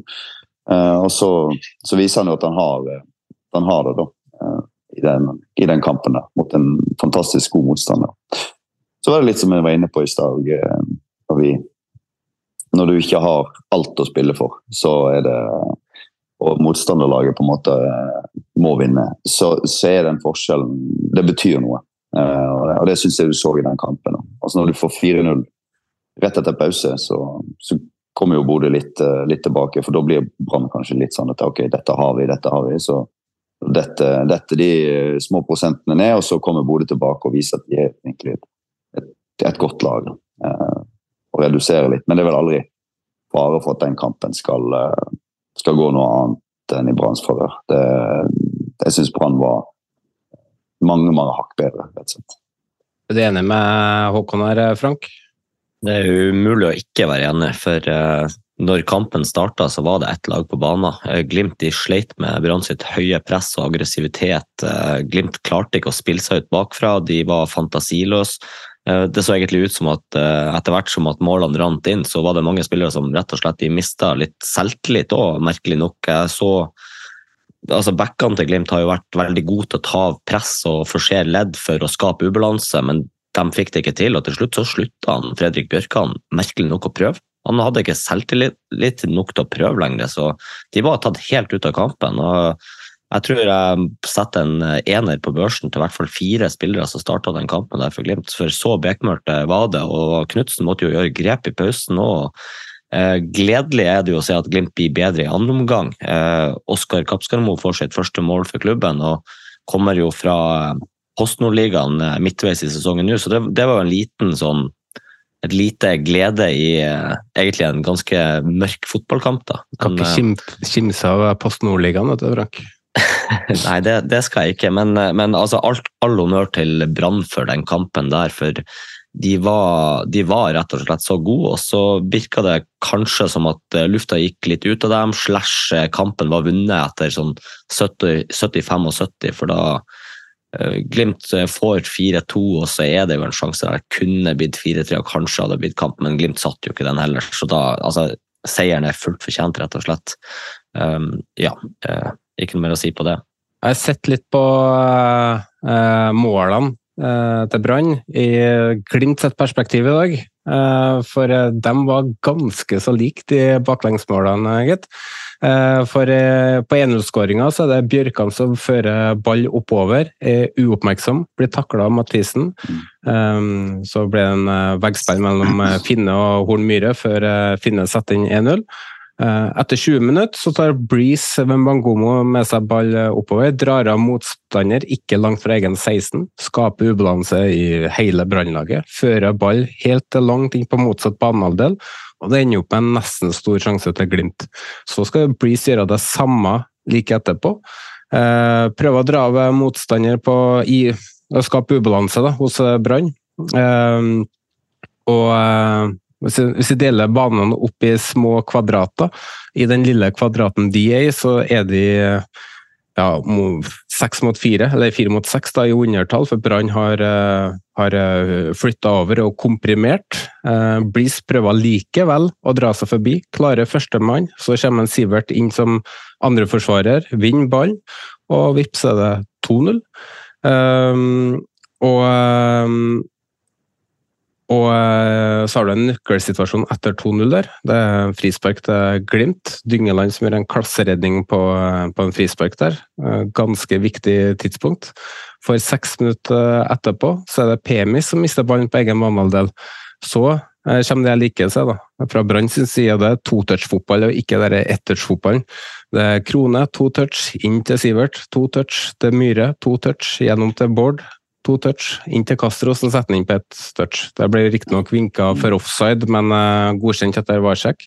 Så har du 4-0, det er kanskje den verste skåringa, for der eh, er det Bjørtuft som har ballen utenfor hjørnet på egen 16. Brann står høyt og kompakt, som de har gjort hele tida. Uh, Bjørtuft har kun to muligheter, sånn som jeg ser det. Det er en lang ball eller støtte til egen keeper. Kan spille inn til Grønbæk eh, sentralt, men har satt en Grønbæk i en veldig vanskelig situasjon. Eh, Bjørtuft velger derimot å spille en feilvendt Bjørkan på sida, og han har ikke muligheten til å slå støtte, for Bjørtuft har begynt å løpe framover. Han kan ikke bruke egen keeper, fordi der lurer Castro i skyggen. Og eneste Bjørkan egentlig kan gjøre i den situasjonen, der, er å bare spille den ut til kast. Men han prøver noe annet, taper ballen, og vipp, så skårer, Castro 4-0. Så det er jo alle baklengsmålene til Glimt kommer etter balltap på egen eh, banehalvdel. PMI sin er for så vidt grei, siden Glimt er organisert og det er høyt til banen. Um, mens de tre andre er er ganske naivt og, og kraftig eh, feilvurdering, da, vil jo jeg si, i forhold til å vurdere risiko. Jeg vet ikke hva du tenker om det, Frank. Er, er det, bør man ta litt hensyn når det er, når er Brann som er på motsatt banehalvdel? Eh, Ja, det enkle svaret er ja. fordi at eh, altså Knutsen har jo uttalt tidligere at han liker å ha fokus på seg sjøl, og det de kan gjøre noe med. Men uh, Brann er jo kanskje det verste laget å møte i høyt press. De er knallgode på det, og jeg syns Brann er bedre enn Glimt på det, for Glimt har vært bedre god på det tidligere. Jeg syns Brann er ligaens beste lag på det å høyt press og gjenvinning på motstanderens banehalvdel. når du møter et eh, lag som er heltent og skal kjempe om medalje, og din egen sesong egentlig er over, så det viser seg i hvert fall her at det nytter ikke å stille opp i en eliteseriekamp og bare være på 70-80% Du må være 100% med, hvis ikke så får du den smellen her. Jeg er bare glad for at den smellen kom nå, og ikke i tre av de fire siste kampene til Glimt, som er langt viktigere enn denne. For de har to kamper i Europa, de har en cupfinale, og da må de være påskrudd. Så jeg er bare glad smellen kom nå, og ikke da. Yngve, ser du på Brann som en tittelkandidat i 2024, eller? Ja, jeg er uenig med det som er sagt her. at De kampene jeg har sett Brann, og mot Viking, selv om de har gått på, på to tap der, så er de sykt dyktige og tøffe i det høye presset. Eh, og For å spille litt i forhold til Bodø-Glimt, så var det jo det at Viking klarte et høyt press når Viking slo Bodø-Glimt hjemme. Litt sånn som Brann klarte. Det er jo det å kunne kapre ballen når, når Bodø-Glimt eh, ønsker å spille seg ut. Eh, Det fungerte veldig godt. Så klart, klart Brann er det. Bodø-Glimt har vært det desidert beste laget nesten siden opprykket. Eh, Spør du meg, De fikk en sånn mellomår etter opprykk, men i etterkant av det så har de ikke sett seg tilbake. Og jeg tenker, For Bodø-Glimt del så er jeg helt enig i at det klart det var greit at den smellen kom nå, for da vet de det at vet du hva, her kan vi ikke senke oss ned en tøddel. hvis vi skal vinne fotballkamper, så må vi være oppe og nikke fra, fra første spark på ballen. Uh, Brann har imponert meg i år med stabiliteten. De hadde en liten periode hvor det var litt bob-bob, som vi sier, men, men, det laget som kanskje har imponert meg mest. Jeg trodde minst på før sesongstart, er jo Tromsø. De syns jeg har imponert og, og, spiller god fotball når de da vinner 4-3 mot Viking. Uh, selv om at det var kynisme, manglende kynisme som gjorde at Viking da til slutt taper kampen. Men, men et meget bra lag. Eh, og imponert over at det, altså det, de har vunnet sykt mange kamper bare med ett mål, jevne kamper. Så jeg priser meg lykkelig over at, det, at de skal møte, Tromsø nå skal møte Vålerengen. Fordi at Vålerengen må vinne. Eh, jeg tror at Brann har veldig stor sjanse for å slå Strømsgodset borte. Samtidig så tror jeg også Strømsgodset har veldig lyst til, til å slå Brann i sin siste kamp på hjemmebane. Så, så spenninga lever både i topp og bunn helt til slutt. Altså. Så det, det, er jo det vi liker. Nå dro vi gjennom disse lagene midt på treet som egentlig ikke har noe å kjempe for annet enn æren. Uh, det er jo kjekt. Altså, det er jo spenning uansett her, uh, både i topp og bunn. og det jeg pleier å si det sånn at det er kjedelig hvis det laget ditt ligger midt på tabellen. Så du verken kan opp eller ned. Ja, ja, ja, ja, da. det, må, det må være litt fyr. Eh, men det er fint at du drar inn Tromsø der, for vi kan fortsette der. Tromsø-Haugesund, hvor eh, hjemmelaget ikke overraskende vant med ett mål, som du var inne på. Uh, Franco, du så den kampen. Hvordan uh, var den?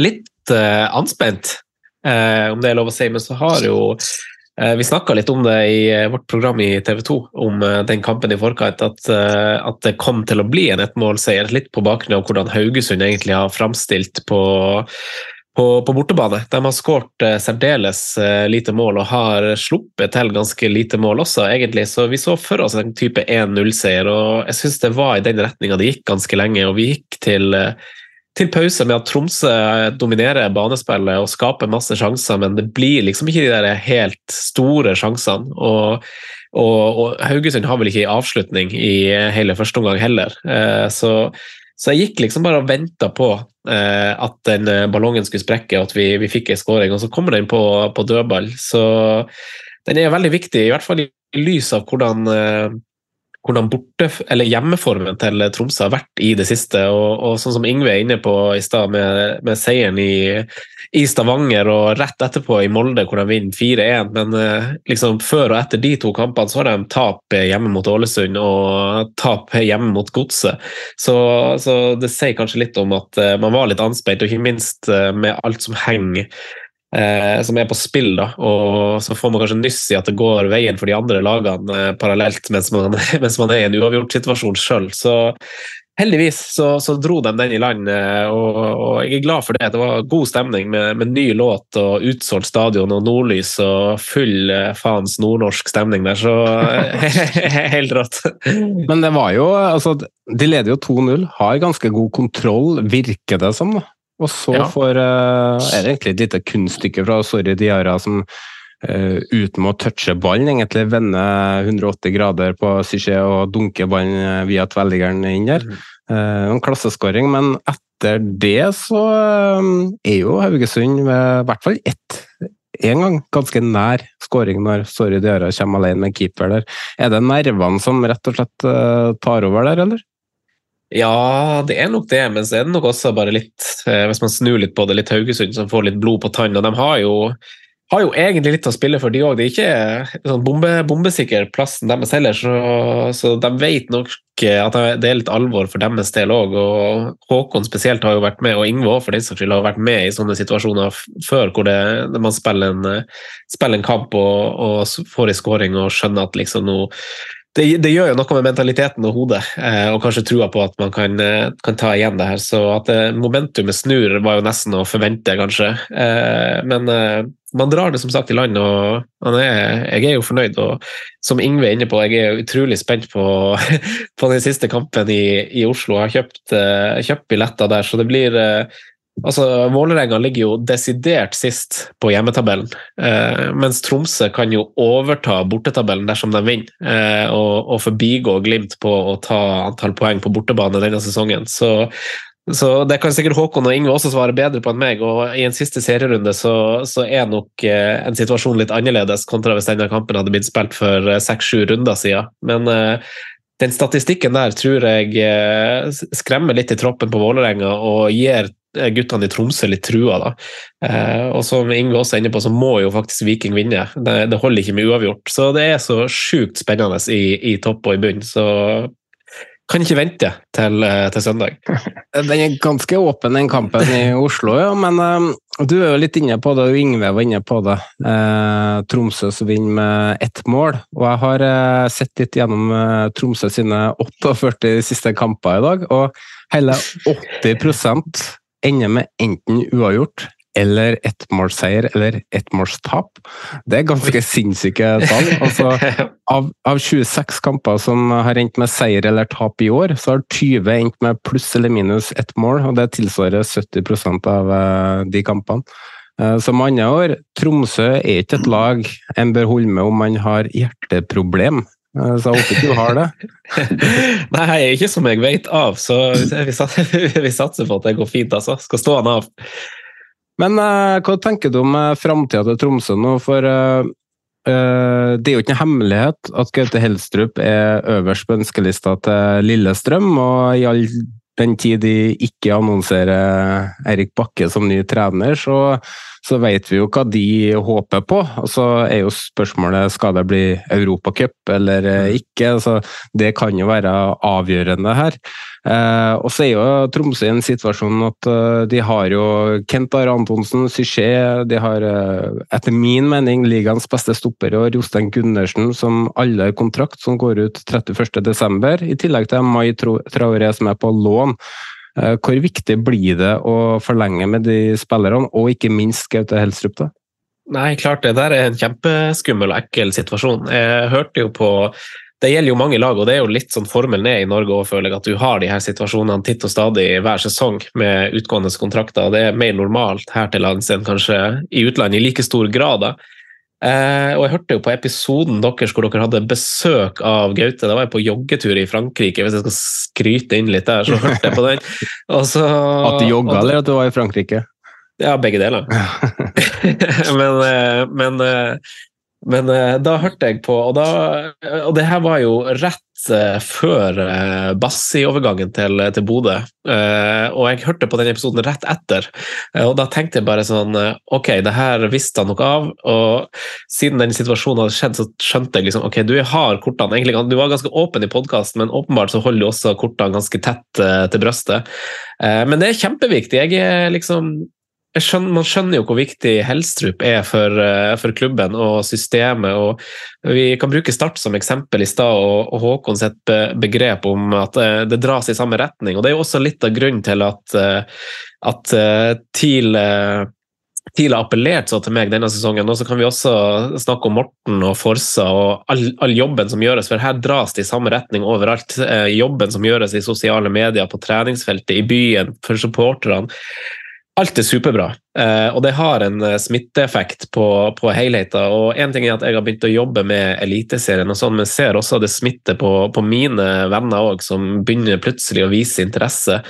Eh, og det tenker jeg at Jeg nevnte Morten skal få, få sin skryt av det, men altså der er jo Gaute så utrolig viktig. Man vet godt hvor, hvordan midler Tromsø har sammenlignet med andre klubber. Eh, og nå har de jo blitt litt redda av noen salg der, og, og, mistenker kanskje at det må skje et par til før man virkelig står, står trygt, men det gjør at jeg eh, i hvert fall hvis Gaute forsvinner, men egentlig uansett er litt sånn redd for neste sesong, om det blir Europa eller ikke, så tror jeg ikke fundamentet er så solid eh, på samme måte som i Stavanger og Bergen. da. Eh, selv om Brann riktignok rykka opp, så, så, tror jeg Tromsø fortsatt har eh, et lite et lite steg opp dit, men er på god vei. Selv om Brann rykka opp, så tror jeg de fleste av oss er enig i at Tromsø sitt utgangspunkt kanskje var, var svakere enn Brann sitt. Så, så, jeg er veldig veldig spent og litt nervøs, men jeg, jo, jeg er jo en sånn glasset halvt fullt-type fyr, så jeg tror jo uh, i, hvert fall, uh, i hvert fall Gaute og Kent Are blir værende. Og så Jostein òg, egentlig. Han er jo en fantastisk rå fyr, så, så satser, på, satser på det. Krysser fingrene for at Europa og at ikke minst det, det gjør at guttene blir. Og støtter jeg det med det med at hele byen er samla, at du merker at man uh at det er noe som betyr noe nå. Da. Og uh, utenfra fra sofaen, da, for å si det sånn, så er det utrolig kult å se den oppblomstringa som er på engasjementet og fra supportere og fulle felt og pyro og tifoer. Det, det har tatt enorme steg, og Morten Killingberg og guttene skal ha all mulig ære for det. Eh, vi må ta et par ord om Haugesund òg, for de er jo i for alvor med i nedrykkskampen. og Neste helg er det Stabæk som kommer på besøk, og også de i poengnød. Og det, Om det ender med seier til Stabæk, så er jo Haugesund helt avhengig av at både Lillestrøm og Tromsø tar poeng mot Sandefjord og Vålerenga for å unngå direkte nedrykk eller kvalik. Eh, Franco, framsto Haugesund som et nedrykkslag eh, på, på søndag, eller? Ja, jeg syns ikke jeg vet ikke hva, De framsto ikke sånn som eh, Ålesund framsto mot Viking, for å si det sånn. Så, så det, det, vil jeg ikke. Nei, jeg føler at Haugesund eh, kanskje er for god til å, til å blande seg der. Eh, det er bare mine, mine, inntrykk. Nå har de jo blanda seg der, sånn sett, men eh, jeg synes jo de, en, de, har jo egentlig hatt en høst som ikke har vært så verst, eh, egentlig, og egentlig kommet seg litt ut av det. Så har de litt, sånn, litt under radaren eh, surra seg litt ned dit allikevel. Eh, men, eh, men, jeg føler ikke at de er, de er der eh, i like stor grad som de andre og skal kjenne på det alvoret. Dere skjønner hvor jeg vil? Men det altså, sånn, de, er avhengig av, alvoret, de, de er avhengig av en del resultater for å ja. ja. ja riktig. Så, men det er jo ikke umulig, da. Det er det ikke du tenker, Ingve, for eh, Haugesund er jo en rival Nei, av eh, ja, men de har tapt, Haugesund har jo tapt de tre siste kampene. Mm. Eh, men Stabæk, da, som på en måte ligger, ligger nærmest, de, de, har nå, de, ja, de, har jo tapt en del kamper, de òg. Men de har nå, på slutten nå, så har de en uavgjort en seier som de måtte ha for å karre seg opp litt. Grann. Så det er klart det blir en det er en kamp som kan slå begge veier. Eh, det, det er en siste serierunde som betyr så sykt mye for, for mange lag. Det er, liksom, det er 90 minutter pluss tillegg, og så er det ferdig. Og det kan, eh, Om Haugesund har hjemmebane, og det er sånn forskjellig, kanskje det kan gå på nerver og følelser og, og skuldrene sky high på Så alt kan skje. Eh, jeg håper ikke vi får to jeg går i andre enden av tabellen. Jeg er mest opptatt av det nå. Jeg håper jo ikke det at vi får to jækla nordnorske lag i toppen med medaljer. Jeg vil at Viking skal ha en av dem.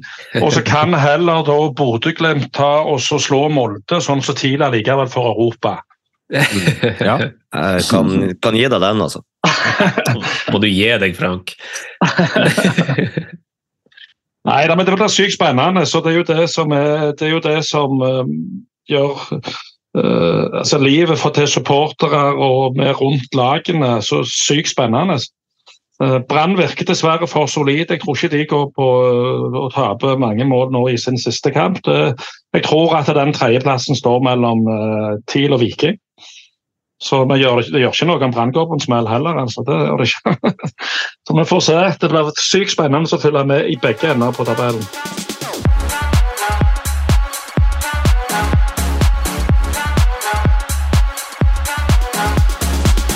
Det får være det vi tar om medaljekampen, og nå beveger vi oss til kampen eh, for å overleve. Da tar vi turen til Hamar, hvor et Vålerenga i krise og fritt fall etter ett poeng på fem kamper. Eh, og nå skulle de forsøke å ta sin første trepoenger siden Sandefjord borte 1.10.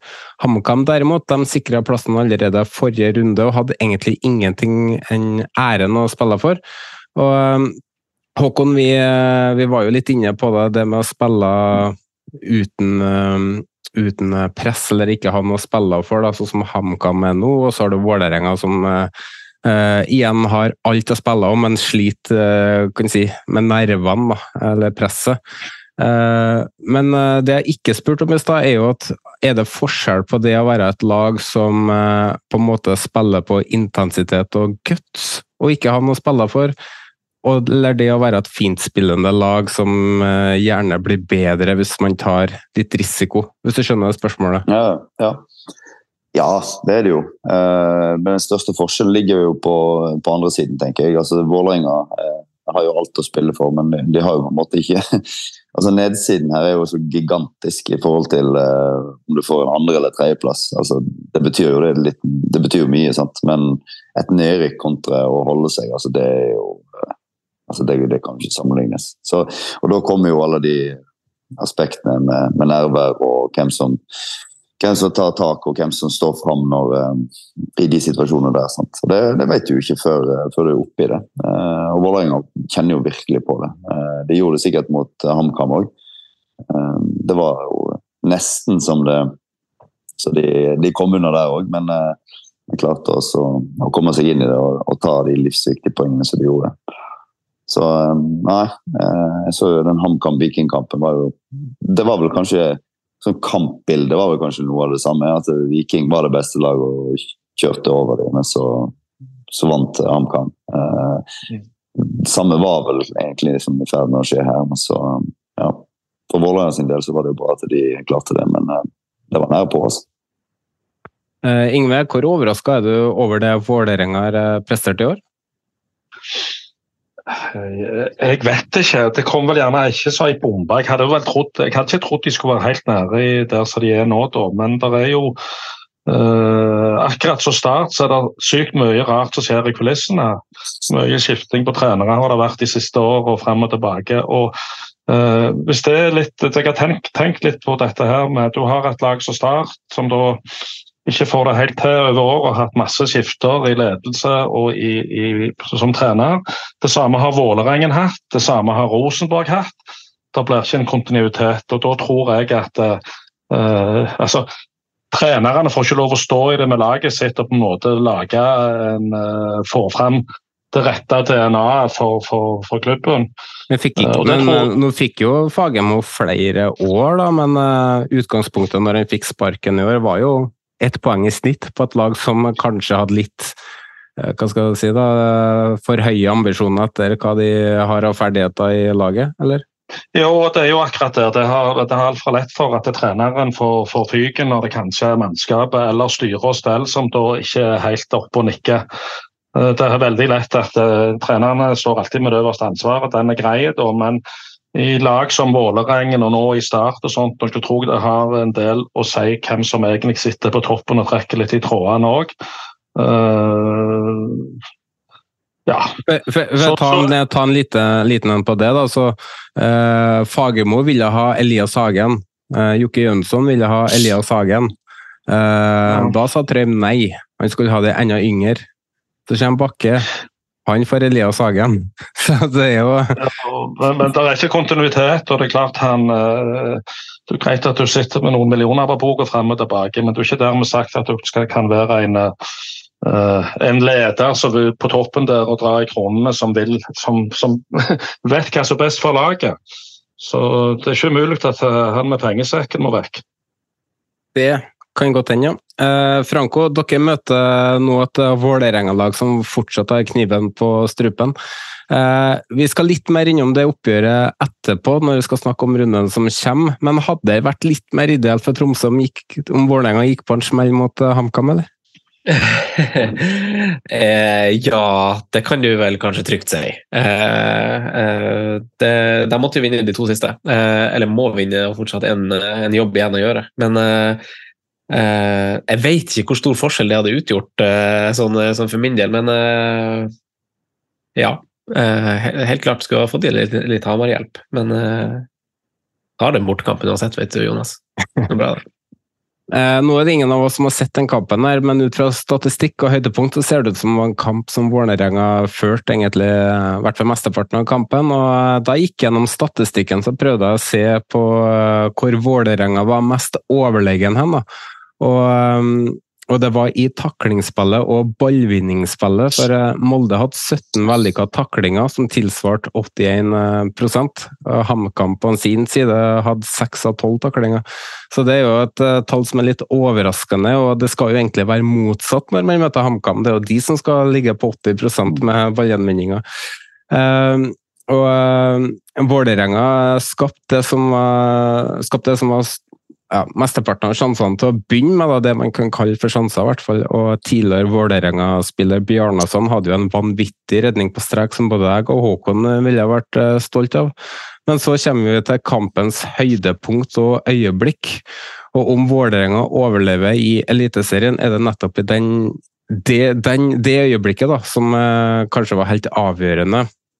For øyeblikket er ute etter, det er i det 63. minutt. HamKam har corner. Det ender med en heading fra seks meter som ser egentlig litt ufarlig ut. Sjøeng kaster seg etter den, men på veien setter Bjarnason eh, fram hodet, og ballen endrer retning fra fire meter. og Sjøeng får kasta armene tilbake og gjør det kanskje årets redning. Eh, Håkon, hvor imponert er du over den redninga der? Ja, den var enormt uh, bra. Uh, Dyngeland hadde jo en redning uh, som kan minne litt i kampen mot uh, Bodø, der det er en sånn innsving frispark som Men den går jo ikke via noen. Altså der, der, må du egentlig bare vente til den er forbi alle, og så, så gjør redningen. Og den er god. Men som du sier, her forandrer ball retning tre-fire meter fra streken, egentlig. og så klarer han faktisk å få opp armen og så få ballen ut, ganske langt ut til siden. Um, ekstremt bra gjort, syns jeg. Uh, og den er enda bedre jo flere ganger du ser den. Ja, det er akkurat det. Jeg tror jeg, jeg, tror jeg så den 70 ganger i dag. Altså. For, ja, den, for det, uh, den, den, ser ikke sånn helt enorm ut med en gang. Uh, og det er jo en sånn typisk redning som du nesten må ha vært keeper for å forstå hvor god er. Eh, det er liksom de redningene på YouTube som, som, ser best ut. De er ofte ikke de vanskeligste i det hele tatt. Eh, mm. Men, men hvis du er keeper og har, har, spilt mange kamper, så ser du noen redninger som, som kommer med på de her eh, kavalkadene. Men altså, det er helt enormt nivå. Og, og, dette er en sånn redning, mener jeg. da. For Her klarer han på en måte å, å slenge seg, men allikevel så klarer du han, han er så sterk i kroppen at han klarer å å ha balansen og han klarer å ha fokus på ball. Og, og så klarer han å gjøre reaksjonen og, og, få den ut. Så det var, det var veldig godt gjort, rett og slett. Uh, og det er på 0-0. Uh, eh, så det er jo som du sier, at hvis de går ned 1-0 der, så er det jo langt tilbake altså, mot et HamKam som vet hvordan det er å forsvare seg. og Da plutselig så har du en, en skalp i beltet, og da ja, da tror jeg de treffer på mer 50% av taklingene for å si det sånn, i resten av kampen. ja. Så, så, det, ja, det, det er for Vålerenga at de kan eh, takke Sjøeng i dag for at de fortsetter med det racet der. Jeg meldte litt med Magnus eh, tidligere i dag, og han eh, sa jo det at det var jo øh, det skjer jo på instinkt, da. det bare skjer, ikke sant. Mm. Og så og er jo, Både jeg og du har sikkert hatt lignende eh, redninger både på trening eller i kamp. og Det er, sånn som, det er, så, det er sånne redninger man aldri mm. glemmer. fordi at eh, etter at man er redda, så ligger man der og tenker hva faen var det som skjedde nå? Mm. Der man ikke helt skjønner hvordan, hvordan gjorde jeg det der, eller eh, mm. man skjønner det ikke helt. Og jeg og Frank mm. har jo tidligere, eh, ikke direkte kåra, men vi har snakka om Selvik sin redning mot Lillestrøm som årets redning til nå.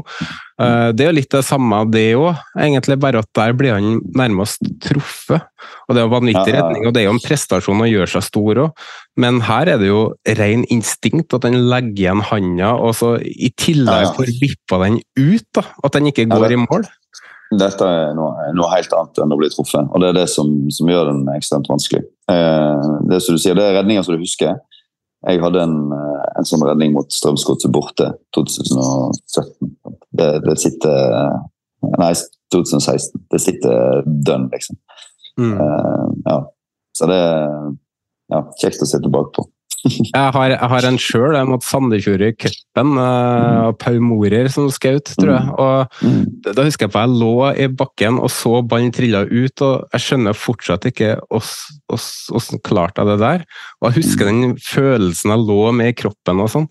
Eh, Så det, det sa jeg til Magnus i dag, at det, her kommer, den kommer du aldri til å glemme. Uansett hvordan det går resten av sesongen, så kommer den redninga der til å bli med deg resten av eh, kanskje livet. Yes, Ja, så- skulle det gå bra, så er det jo altså en sånn eh, karrieredefinerende redning, nesten. Eh, du kan tenke deg, Hadde det vært i siste serierunde han hadde gjort det, og de hadde holdt seg oppe, sant? så er det jo det var helt enormt. Det er jo eh, Ja, det er som sagt, da er du jo på en måte Da har du satt deg i skrevet deg inn i historien i Vålerenga. Mm. Eh, Redninga til Sjueng gir Vålerenga fortsatt muligheten til å jakte eh, seieren, og i det 81. minutt lykkes de. For om Vålerenga har hatt mye marginer mot tidligere i år, så hadde de jaggu marginer med seg denne gangen. Et upresist innlegg fra Juklerød går langs bakken mot nevnte Bjarnason, som vi har vært inne på, som står, med, står på første sone med som de fleste på Hamar gjør, et par steinkast eh, lenger bort på Vikingskipet. Han står med hendene på ryggen. Og eh, ballen går i venstrebeinet, tror den treffer hæla, og så treffer den høyrebeinet, og så ender den opp til, til, mm, til Bjørdal. Og Bjarnason kaster seg ned for å takle, og da går Bant Ilic, som da setter Bant kontant i mål. Og 2-0 kommer på fire minutter på overtid. En kontring hvor Håkan svinner sin duell mot Kurtovic, og alene med keeper sikrer han eh, seieren. Eh, Franco, er du overraska over at det ble borteseier her, eller?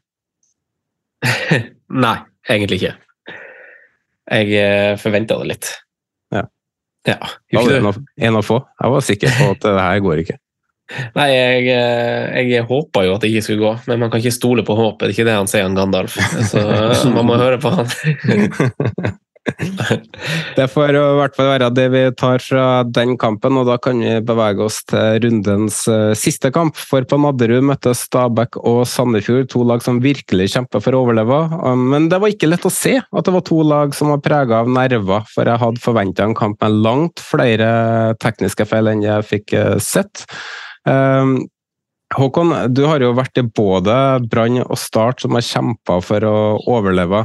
Eh, Kan du, kan du si litt om forskjellen det å være i en nedrykkskamp for en klubb hvor man kanskje forventer skal være der, som Start var det siste året du var med i ryktene, da, eh, kontra når Brann med det presset og forventningene som de har på seg, som kanskje kan sammenlignes med Vålerenga, da, eh, som Ja. er der i dag. Er det, merker man enda mer på presset i en eh, stor klubb, eller? Ja, det gjør man.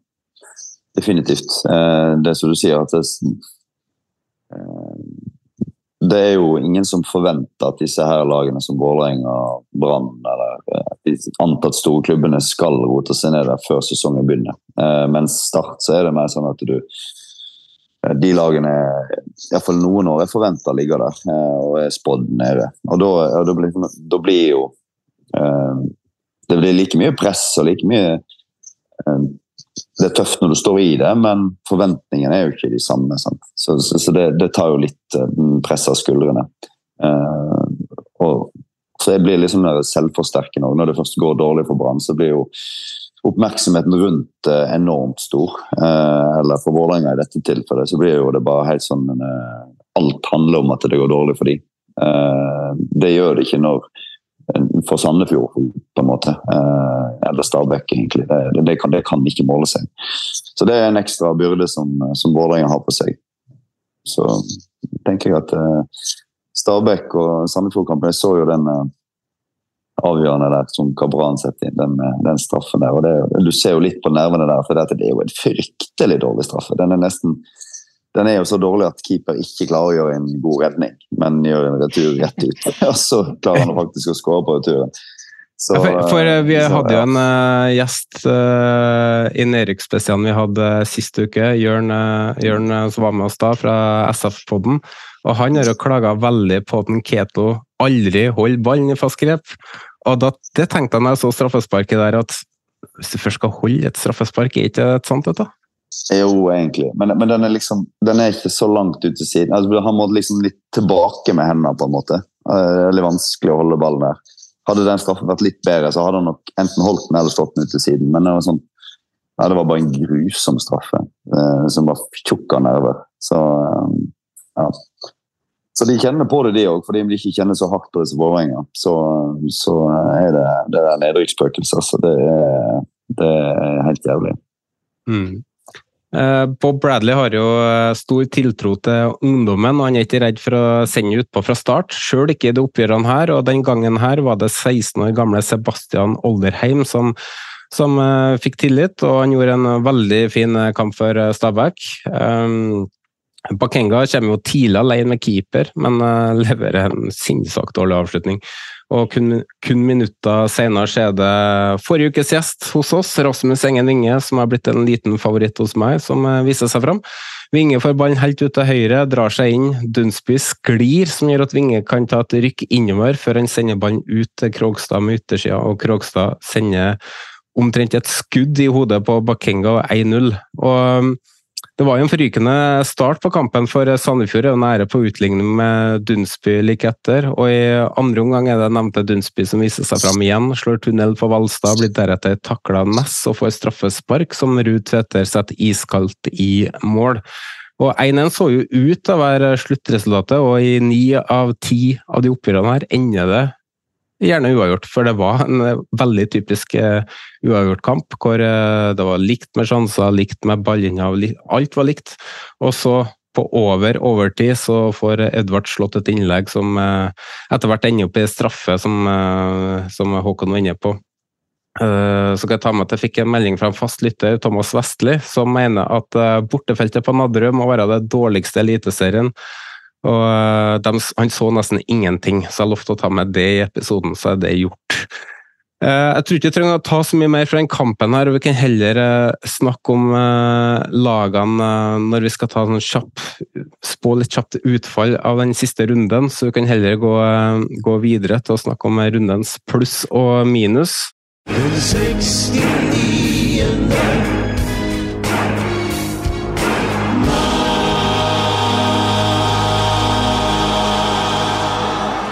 Frank, uh, du har ikke vært med på en stund.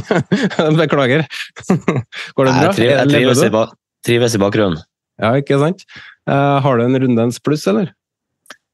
Ja, jeg vil egentlig si at den her er litt sånn på sesongnivå, da. Men det er så deilig å gå inn i en siste serierunde og føle at halve ligaen har noe å spille for. Så min rundens pluss er rett og slett de resultatene vi har fått nå, som gjør at det er beintøft og knallmye nerver inn mot både en medaljekamp og en nedrykkskamp. Hvor stor tabbe var det av meg å ikke ta med Haugesund i en Stor. men, men det, skal, det, skal, sies, Jonas, jeg la frem en sånn worst case-tankegang for Haugesund-supporterne eh, forrige uke, og den har slått 100% til frem til nå, så vi får se hvor det går i siste. Ikke sant. Det, det er kokosliga der, så det, alt kan skje. Ingve, har du en uh, rundens pluss du vil trekke fram? For egen del syns jeg jo at uh, Viking etter å ha slitt litt, gjør en solid bortekamp om det var nedrykksklar Ålesund. Som gjør i fall at de går inn i, uh, mot kampen med Rosenborg med fornya selvtillit. Hvilket uh, de trenger. Så, trenger ikke mot Rosenborg.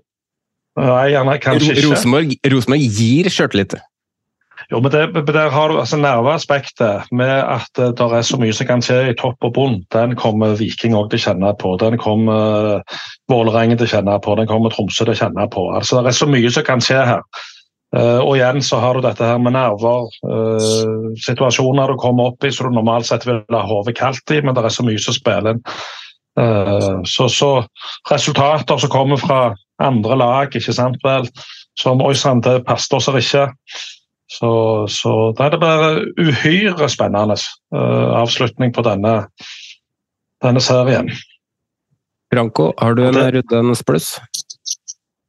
Ja, siden Frank zooma ut, så kan jeg zoome inn. Eh, jeg kosa meg så du, denne, denne, runden, for det var så mange fine mål. Og Du var innom Dunsby og straffen han fikk. Kjempeprestasjon, men jeg velger allikevel å gå for eh, det som ga meg mest, mest gåsehud og liksom frysninger, var jo assisten til Tripic på er det 3-0. Den godtien han gjør der. Mm, den, den, er fin. Ja, den er fin. Ja, fytti katta. Han sa det sjøl òg, inspirert av godtid. Ja, altså, jeg gjorde det. ja, det har ikke jeg fått med meg, men det var jo, eh, det var jo etter læreboka, det. det var, den koser jeg meg med. Ja, Det kjenner man ser på i norsk fotball. Og det er, jo noe av det, det er jo noe av det fineste du kan se når du gjør en såkalt ferdigskåra pasning, som jeg kaller det. At det er noen da som ser at her er det en person som er i hakket bedre posisjon. Han kunne jo skutt, sjøl òg men velger å, å spille ballen sånn så det blir en trygg avslutning i tomt mål. Det, det, det er fint å se på en fotballbane. Det er kaptein med stor K. Um, Håkon, rundens pluss? Ja, nå har vi vært innom eh, Sjøeng og redningen der, så det får, eh, det får han ta der. Og så må vi jo eh, gi den til, til Brann eh, og Bergen. Altså, I første omgang der er, vil jeg si årsbeste mot serielederen. Altså, så det kommer vi ikke unna, uansett hvor, eh, hvor farga det blir. Så det, Det blir med det. Det blir med til. Dere ryker, dere ryker til helga. Vi.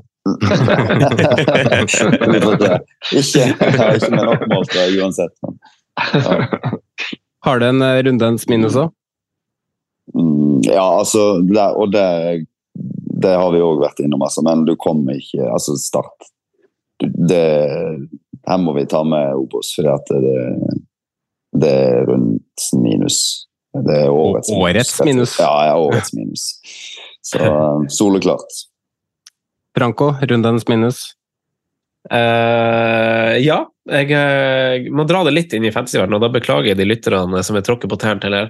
For jeg hadde to defensive Tromsø-spillere på laget mitt, og jeg vet at dere er møkklei dommere og varprat. uh, men så har jeg en teori om at eh, om at, altså fordi eh, Zakarias Oppsal skal jo ha et frispark i forkant av Haugesunds skåring. Eh, det skal han også ha i forkant av det frisparket de får på 17 meter tidlig i andre omgang. Og det irriterer meg at han ikke får frispark fordi at han prøver å holde seg på beina og ikke slenge seg eller rope. Eh, og hvis dommere fortsetter å ikke blåse på det, så kommer spillere til å fortsette med det. tenker jeg. Så, så, så det er liksom eh, Det var ikke skjebnesvangert denne gangen, men det er bare Blås nå når det er forseelse, uavhengig av hvordan spillerne responderer på det. Eh, og Det irriterte meg, for der sprakk eh, to clean sheets på, på, på at han Zakarias Oppsal blir tatt livtak på. Så det var den. Hadde vi fått en tier eh, for hver gang vi har sittet dommer eller var som rundes minus, så hadde jeg ikke trengt å bruke en PT til å sponse podkasten her, for å si det sånn. Nei, så- nei, sant. Men uh, du har to defensive Tromsø, jeg har tre, så Der kan du se. Ikke sant. Ja, har du en eh, rundens minus? Nei, egentlig ikke. Jeg syns det var jækla bra. Passet utmerket alt det som skjedde i denne serierunden. Skal gi det til hele Ålesund, ja. Ja, gjør det Ålesund. Nei. Nei, nei, men jeg er, enig, jeg er enig med Oppdal. Det er jo det der som skjer i Obos. Det er jo katastrofe. Det er, ikke, det er nesten tiårets tabbe. Mm. Frank, du, er ikke, vond. du har sikkert sju rundens minus det du pleier å ha, da. kunne hatt 20 rundens minus mot eget lag, men eh, jeg, skal gi, jeg skal gi den til eh, de som sto på motsatt eh, side på tribunen for meg, da, og det er til, eh, til eh, de guttene på eh, supporterfeltet til eh, Brann som kasta bluss. Vi er veldig for bluss og pyro og stemningsskapende effekter, men de her som har funnet ut at det er smart å kaste blusset på sine egne fans, og det, det er bluss som treffer barn. og da ødelegger du så ekstremt mye for din egen kamp for å ha bluss lovlig på tribuner. Det, jeg så at det var fem stykker som var blitt anmeldt etter eh, hendelsen, og sånn der type idioti det ødelegger for absolutt alle. Det som irriterer meg med bluss, da, det er kun én ting. For jeg elsker bluss sjøl, jeg liker stemninga. Det irriterer meg at det er så mange idioter som skal holde den blussen her. Kan ikke, kan ikke normale folk holde i sted? Så mye bedre. For det, det skjer jo noe hele tida. Det kastes blusser ut på kunstgressbaner, på gressbaner. Nei, det er så dumt. Hva, hva, hvordan hvordan, bør man kvalifisere for å få lov å håndtere bluster, mener du? Hva, er det sånn sertifikat man må ta, eller er det sånn, hva tenker du? Ja, Jeg mener det burde vært sertifikat på å få unger, så må det være noe, kan ta noe sammen så Nei, altså, det, altså for det første eh, Alkohol, da. Eh, eller fylla og bluss, det er jo en dårlig kombo. Nå sier ikke at det var fyll inn i bildet her, men det er jo ikke helt utenkelig. da. Så eh, Jeg, jeg, kan bekrefte, jeg kan bekrefte at jeg hadde drukket rimelig mye, og jeg sto med, med litt mindre farlig enn bluss, da, men jeg sto med en røyk. Men jeg hadde to stykker med bluss på hver side av meg. da, men det var Ja, altså gul, gul Stjerneskudd. Stjerneskudd. Gul, gul røyk. Men uh, inn på idioter som holder pyroteknikk, så bare pek, pek på meg. Ja, ikke sant. Um, da avslutter vi, rundes, uh, avslutter vi runde 29 av årets eliteserie, og vi ser fram mot runde 30.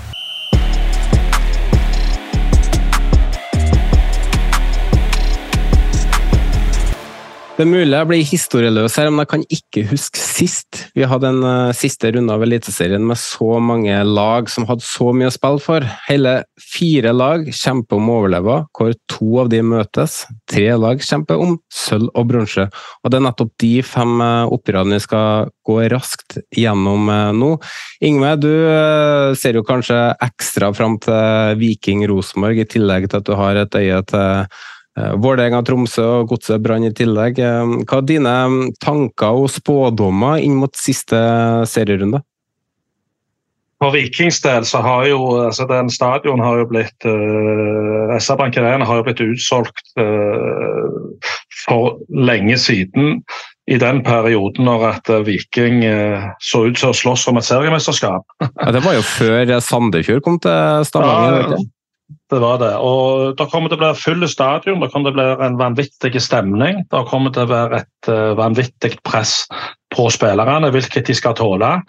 Uh, Rosenborg, som ikke har hatt en god sesong, uh, er alltid kjekke å slå uansett.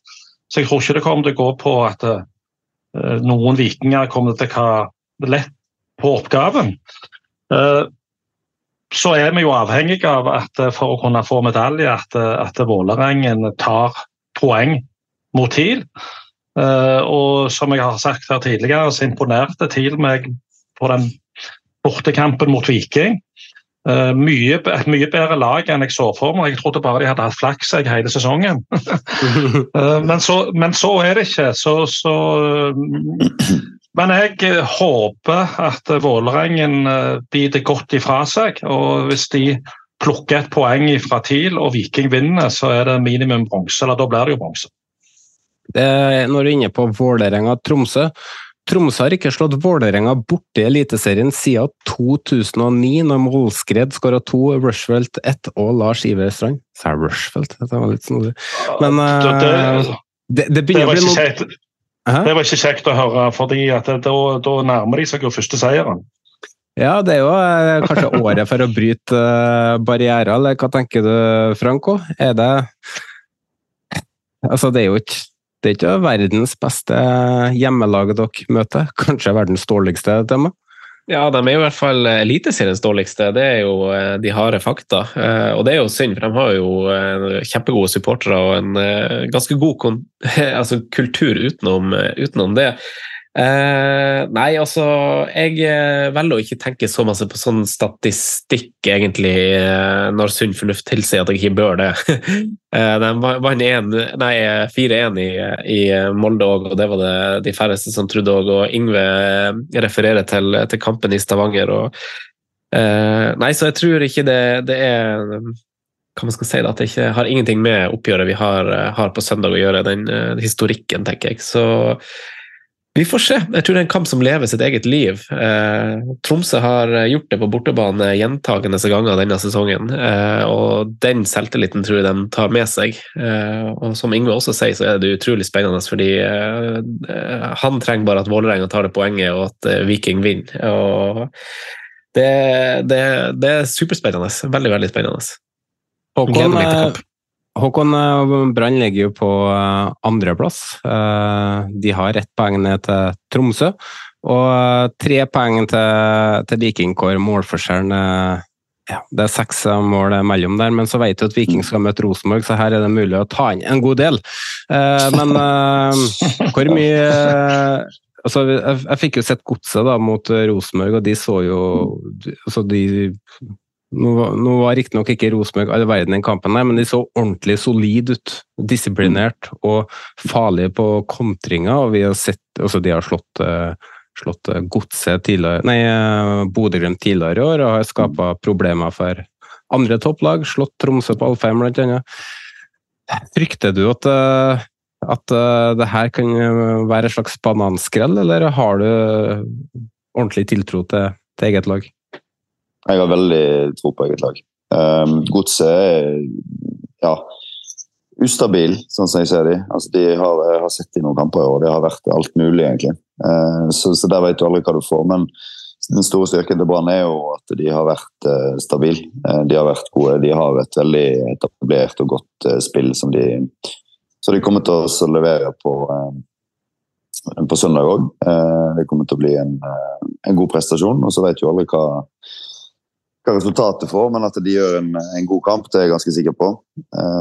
og så seks mål bedre enn Viking på målskjellen der, så det, det tror jeg det holder. Eh, og så er det Tromsø-Vålerenga. Der er det Ja, jeg har fulgt uh, Tromsø uh, i flere år. altså Min gode venn Yttergård Jensen, som jeg bodde på rommet når han var i Brann, han har fulgt godt i, i, Tromsø. Og det de har gjort der oppe, som jeg har vært inne på altså de, de har jobba godt over, over, flere år, og de har òg et spill som etter hvert sitter. og som jeg tror jo at Tromsø blir forsterket for Vålerenga. det tror jeg. Jeg tror det rett og slett er et bedre lag.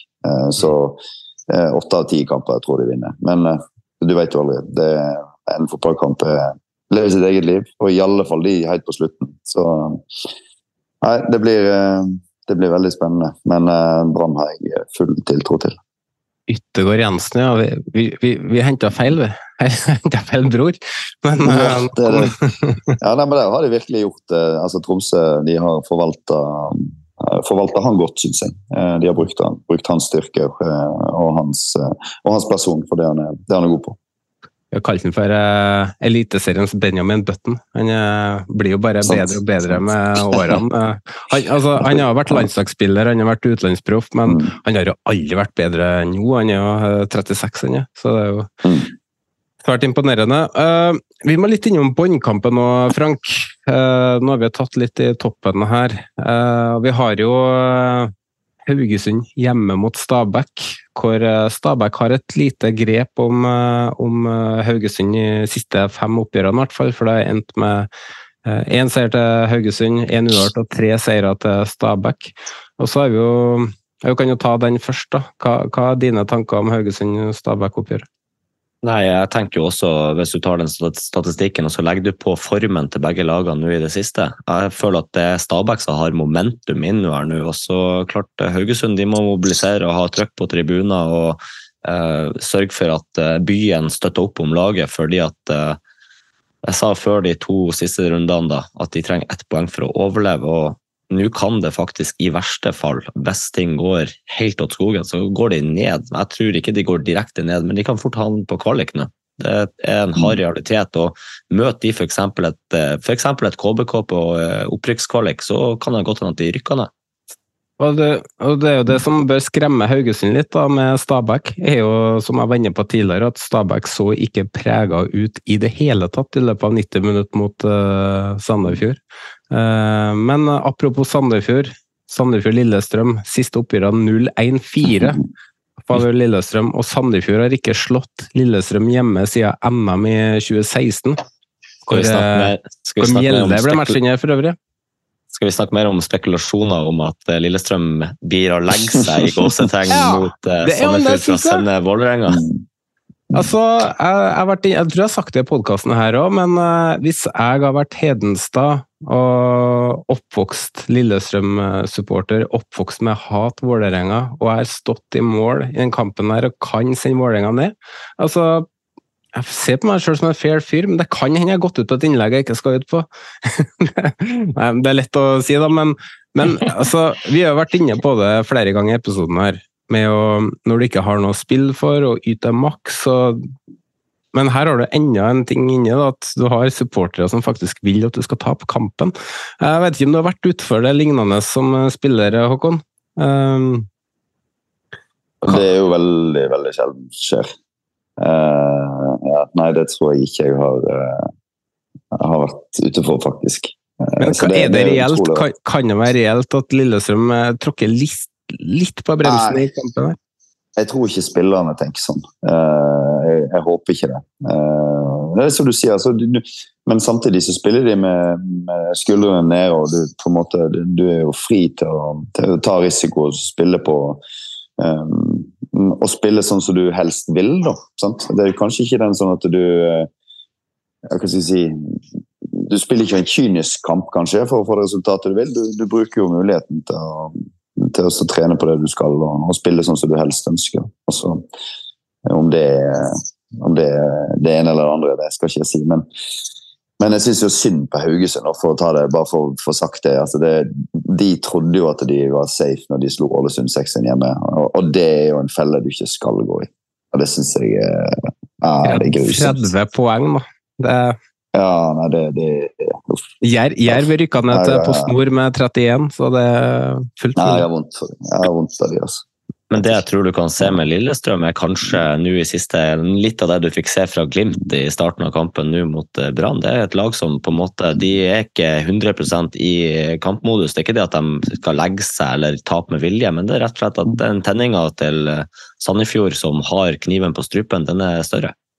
Og så vet du at Lillestrøm er et lag som gutser på. Da. Duellkraft og, og, styrke. Og så se, var jeg inne på statistikken mellom Vålerenga og HamKam, hvor HamKam er et lignende lag som taper de der duellene. så eh, jeg håper jo ikke at eh, Lillestrøm legger seg ned med vilje å tape. Eh, det gjør jeg ikke. Men som eh, en, eh, en, vanlig supporter som liker Sandefjord og bor utenfor klubben og kjenner de fleste i klubben, så håper jeg selvfølgelig Sandefjord vinner den kampen. Så får vi se da hvem som eh, rykker ned til slutt.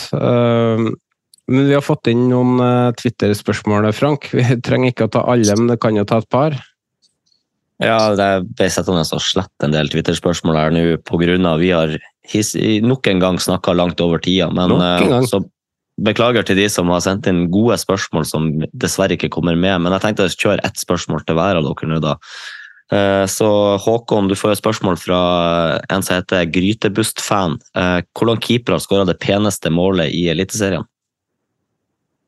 Eh, hvilken som har skåret det peneste?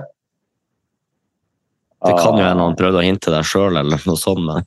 Ja, nei, altså mitt var jeg kan jo ikke først juble og så si at det er det peneste målet som er skåret av en keeper. Det går ikke. Vi, vi kan være ærlige om at eh, målet ditt det var en elendig pasning. ja, ja, det var jo det. Det var jo altfor lang. Uh, men jeg syns jo faktisk Hedenstad Christiansen skåret et fint mål her. I fjor, i fjor eller? Ja, jeg syns det var bra. Synes det var ok. Så Aidin Brown skåret vel et ok mål her òg for noen år siden. Og så er det jo ikke så mange andre mål jeg husker fra keepere. Iallfall ikke som er fine. Det, det kan jeg ikke si.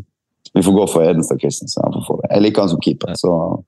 Jonas, når eh, får eh, Malen sparkens hovedtrener i Rosenborg?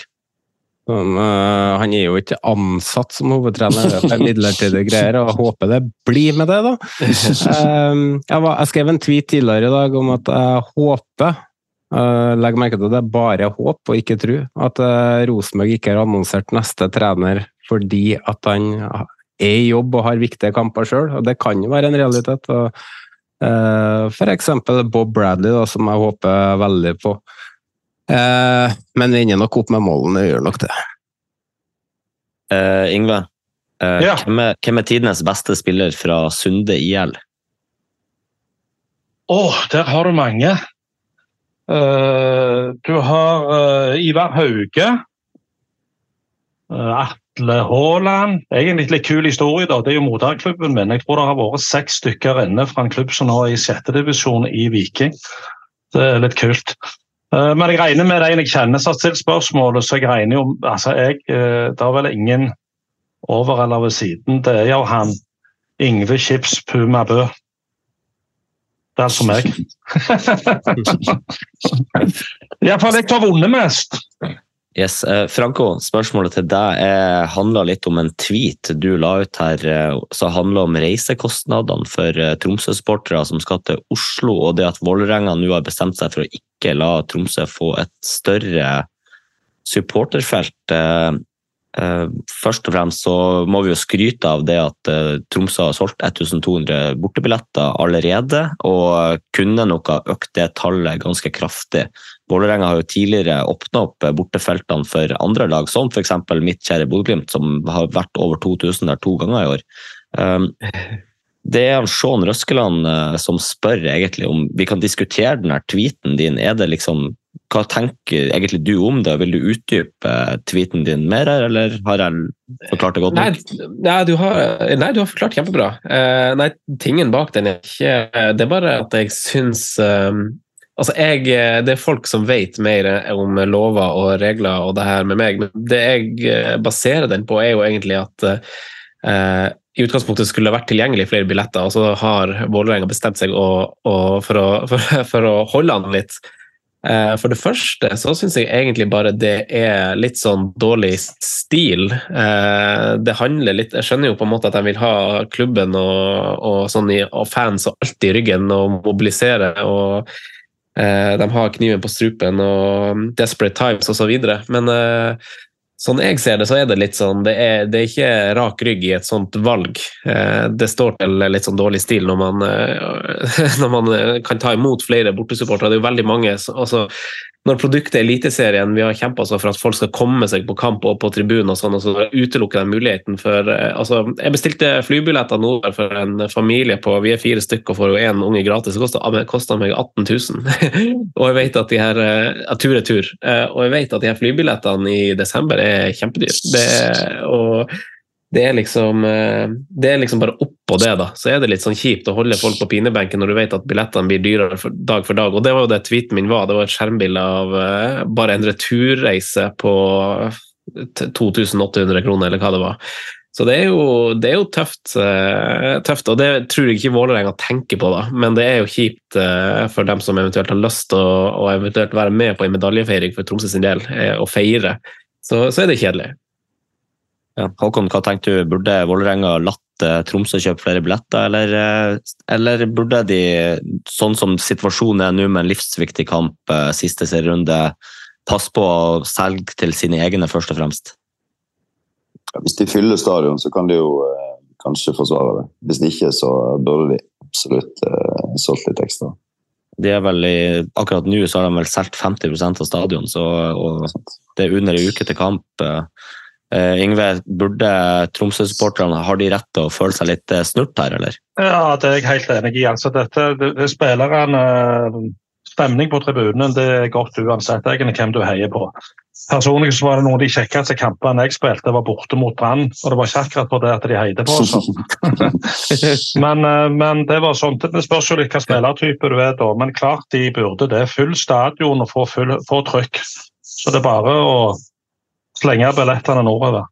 Man så jo Det sviler annet liksom ekstra for man har sånn glisne tribuner i Tromsø. vet du. Man vet hvor hardt man trenger å jobbe for å få folk på kamp. Og sånn. Altså.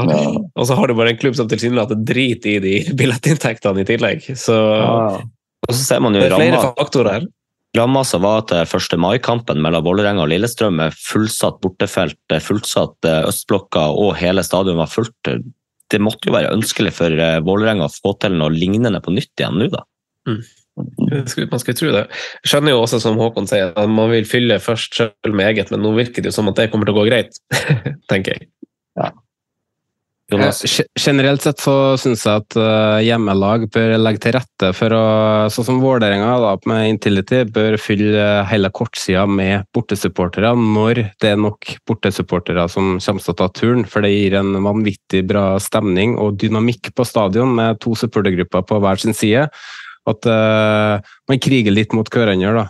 Eh, I det tilfellet her, hvor Vålerenga kjemper om å berge plassen, så syns jeg Vålerenga gjør helt rett i å tenke på seg sjøl, fordi de vet at øh, øh, hvis de da slo HamKam som de da gjorde, så vil de fylle den stadion her, og alt tilsier nå at den stadion blir fylt. og da mener jeg det er helt riktig av Vålerenga å tenke kun på seg sjøl akkurat her. Det var alle spørsmålene du tok ut, øh, Frank? Ja, det ble, tida gikk ikke til mer, så. Nei. Da tar vi en kjapp avslutning. Vi er med tre kjappe spørsmål til hver, så her er det bare å svare kjapt og gærent. Uh, Yngve, hvem ender på 15.-plass? 15.-plass. Uh, Sandefjord. Tror du Viking tar medalje? Ja. Rykker Rosenborg ned i 2024? Nei. Franco, hvem tar kvalikplassen? Eh, Stabæk. hvem tar den sure fjerdeplassen? Å, Viking. Signere, signere, signere Jostein Gundersen ny kontrakt? Ja. Håkon, hvem er neste landslagsspiller fra Brann? Som spiller i Brann nå? Mm. Så neste Bård Finne er jo landslagsspiller. Ja, dyngen ja. Uh, eh, oh. Si det, si det, si det. Um, Det er ikke sprøkt. enten, Felix, ja, enten Felix eller kanskje Ulrik Mathisen. Hvem vinner cupen? Bodø-Glimt. Er Horneland branntrener i 2025? Ja. Frank, hvem får sparken først i 2024? Oi, eh, det blir jo kamikaze-tips de luxe, men eh, vi sier eh, Erling Moe i Molde. Dårlig start på dem, så får han fyken i juni. Rykker Vålerenga ned? Ja. Signerer Stefan Johansen for Glimt? Ja. Ja. Var bare et sånt Da vil jeg bare ha det fram. Eh, Det var det vi Eh. hadde og å skulle gå gjennom i dag. Og det tok jo bare halvtime over tida, det her, så det er jo nydelig. Eh, fall Så går det an å preppe ni timer. Ja. Men da er det bare å se fram eller grue seg til årets siste eliteserierunde. Vi må som vanlig takke Jan Erik Balto, som står for alt av bilder som, eh, som er ute på sosiale medier. Han har akkurat uh, vist oss eh, eh, det han har laga til julekalenderen vår, som har premiere på fredag. Allerede på onsdag så kommer det en trailer til julekalenderen hvor vi forklarer konseptet, samt at det går gjennom hintene til hvem som befinner seg bak luke nummer én. Anbefaler alle å kaste seg på den konkurransen her, for her har du hver dag muligheten til å vinne en eh, drakt i premie bak hver, hver eneste luke.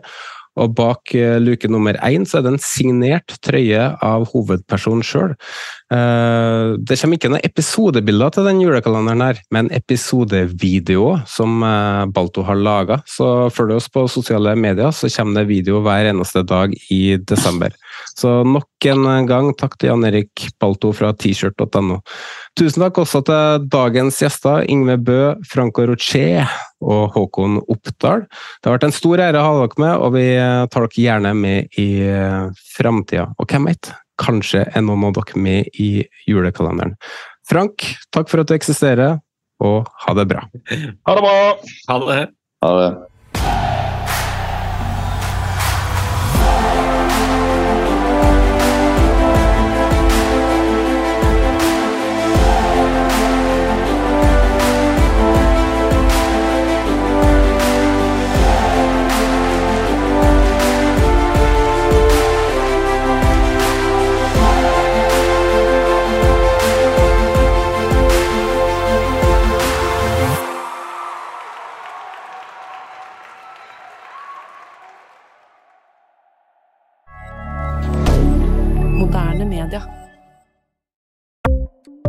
Ukens annonsør er HelloFresh. HelloFresh er verdens ledende matkasseleverandør og kan være redningen i en travel hverdag. Mange av oss har nok vandret i butikken både sultne og uten en plan for middagen, som ender med at vi går for de samme kjedelige rettene gang på gang. Middag burde være dagens høydepunkt. Som HelloFresh kan du nå velge mellom 25 ulike retter hver eneste uke, eller få HelloFresh til å sette sammen menyen for deg. Dette gir deg muligheten til å prøve nye og spennende retter alene eller sammen med familien. Du velger antall porsjoner og får alt levert på døren på et tidspunkt som passer for deg. Oppskriftene er enkle, og maten er lett å lage både for store og for små. Ved å få alt levert hjem får du også mer tid til å dele matgleden med familie og venner. Kanskje det frister med asiatiske tacos eller greskinspirert kylling? Da kan jeg anbefale deg om å gå inn på hellofresh.no. Her kan du bruke koden FOTBALL og få opptil 1779 kroner i rabatt på de første fem matkastene hvis du ikke har prøvd HelloFresh tidligere. Du kan også bruke rabatten hvis du har vært kunde og stoppet abonnementet ditt for tolv måneder siden eller lengre. Gå inn på hellofresh.no og bruk koden FOTBALL. Ukens annonsør er Folio, en smartere banktjeneste for deg som har en egen bedrift eller ønsker å starte for deg selv. Folio er en superenkel nettbank for bedrifter. Som kunde i Folio får du en bedriftskonto med et bedriftskort og app. I denne appen er det smarte løsninger som forenkler regnskapet ditt, uansett om du har en liten bedrift eller et enkeltpersonsforetak. Folio er både intuitivt og brukervennlig, og er laget med et enkelt språk. I tillegg tilbyr de forutsigbare priser og ingen skjulte gebyrer. Skulle du likevel trenge det, så kan du snakke med deres raske og hyggelige kundeservice, og der får du prate med en faktisk person og ikke en chatbot. Folio er med andre ord både enklere og koseligere enn banken. Over 10 000 bedrifter har allerede valgt Folio som sin banktjeneste, så besøk folio.no og se hvordan Folio kan forenkle din hverdag også. Har du et enkeltpersonforetak eller en liten bedrift? Da er du sikkert lei av å høre meg snakke om hvor enkelt det er med kvitteringer og bilag i fiken, så vi gir oss her, vi. Fordi vi liker enkelt. Fiken superenkelt regnskap.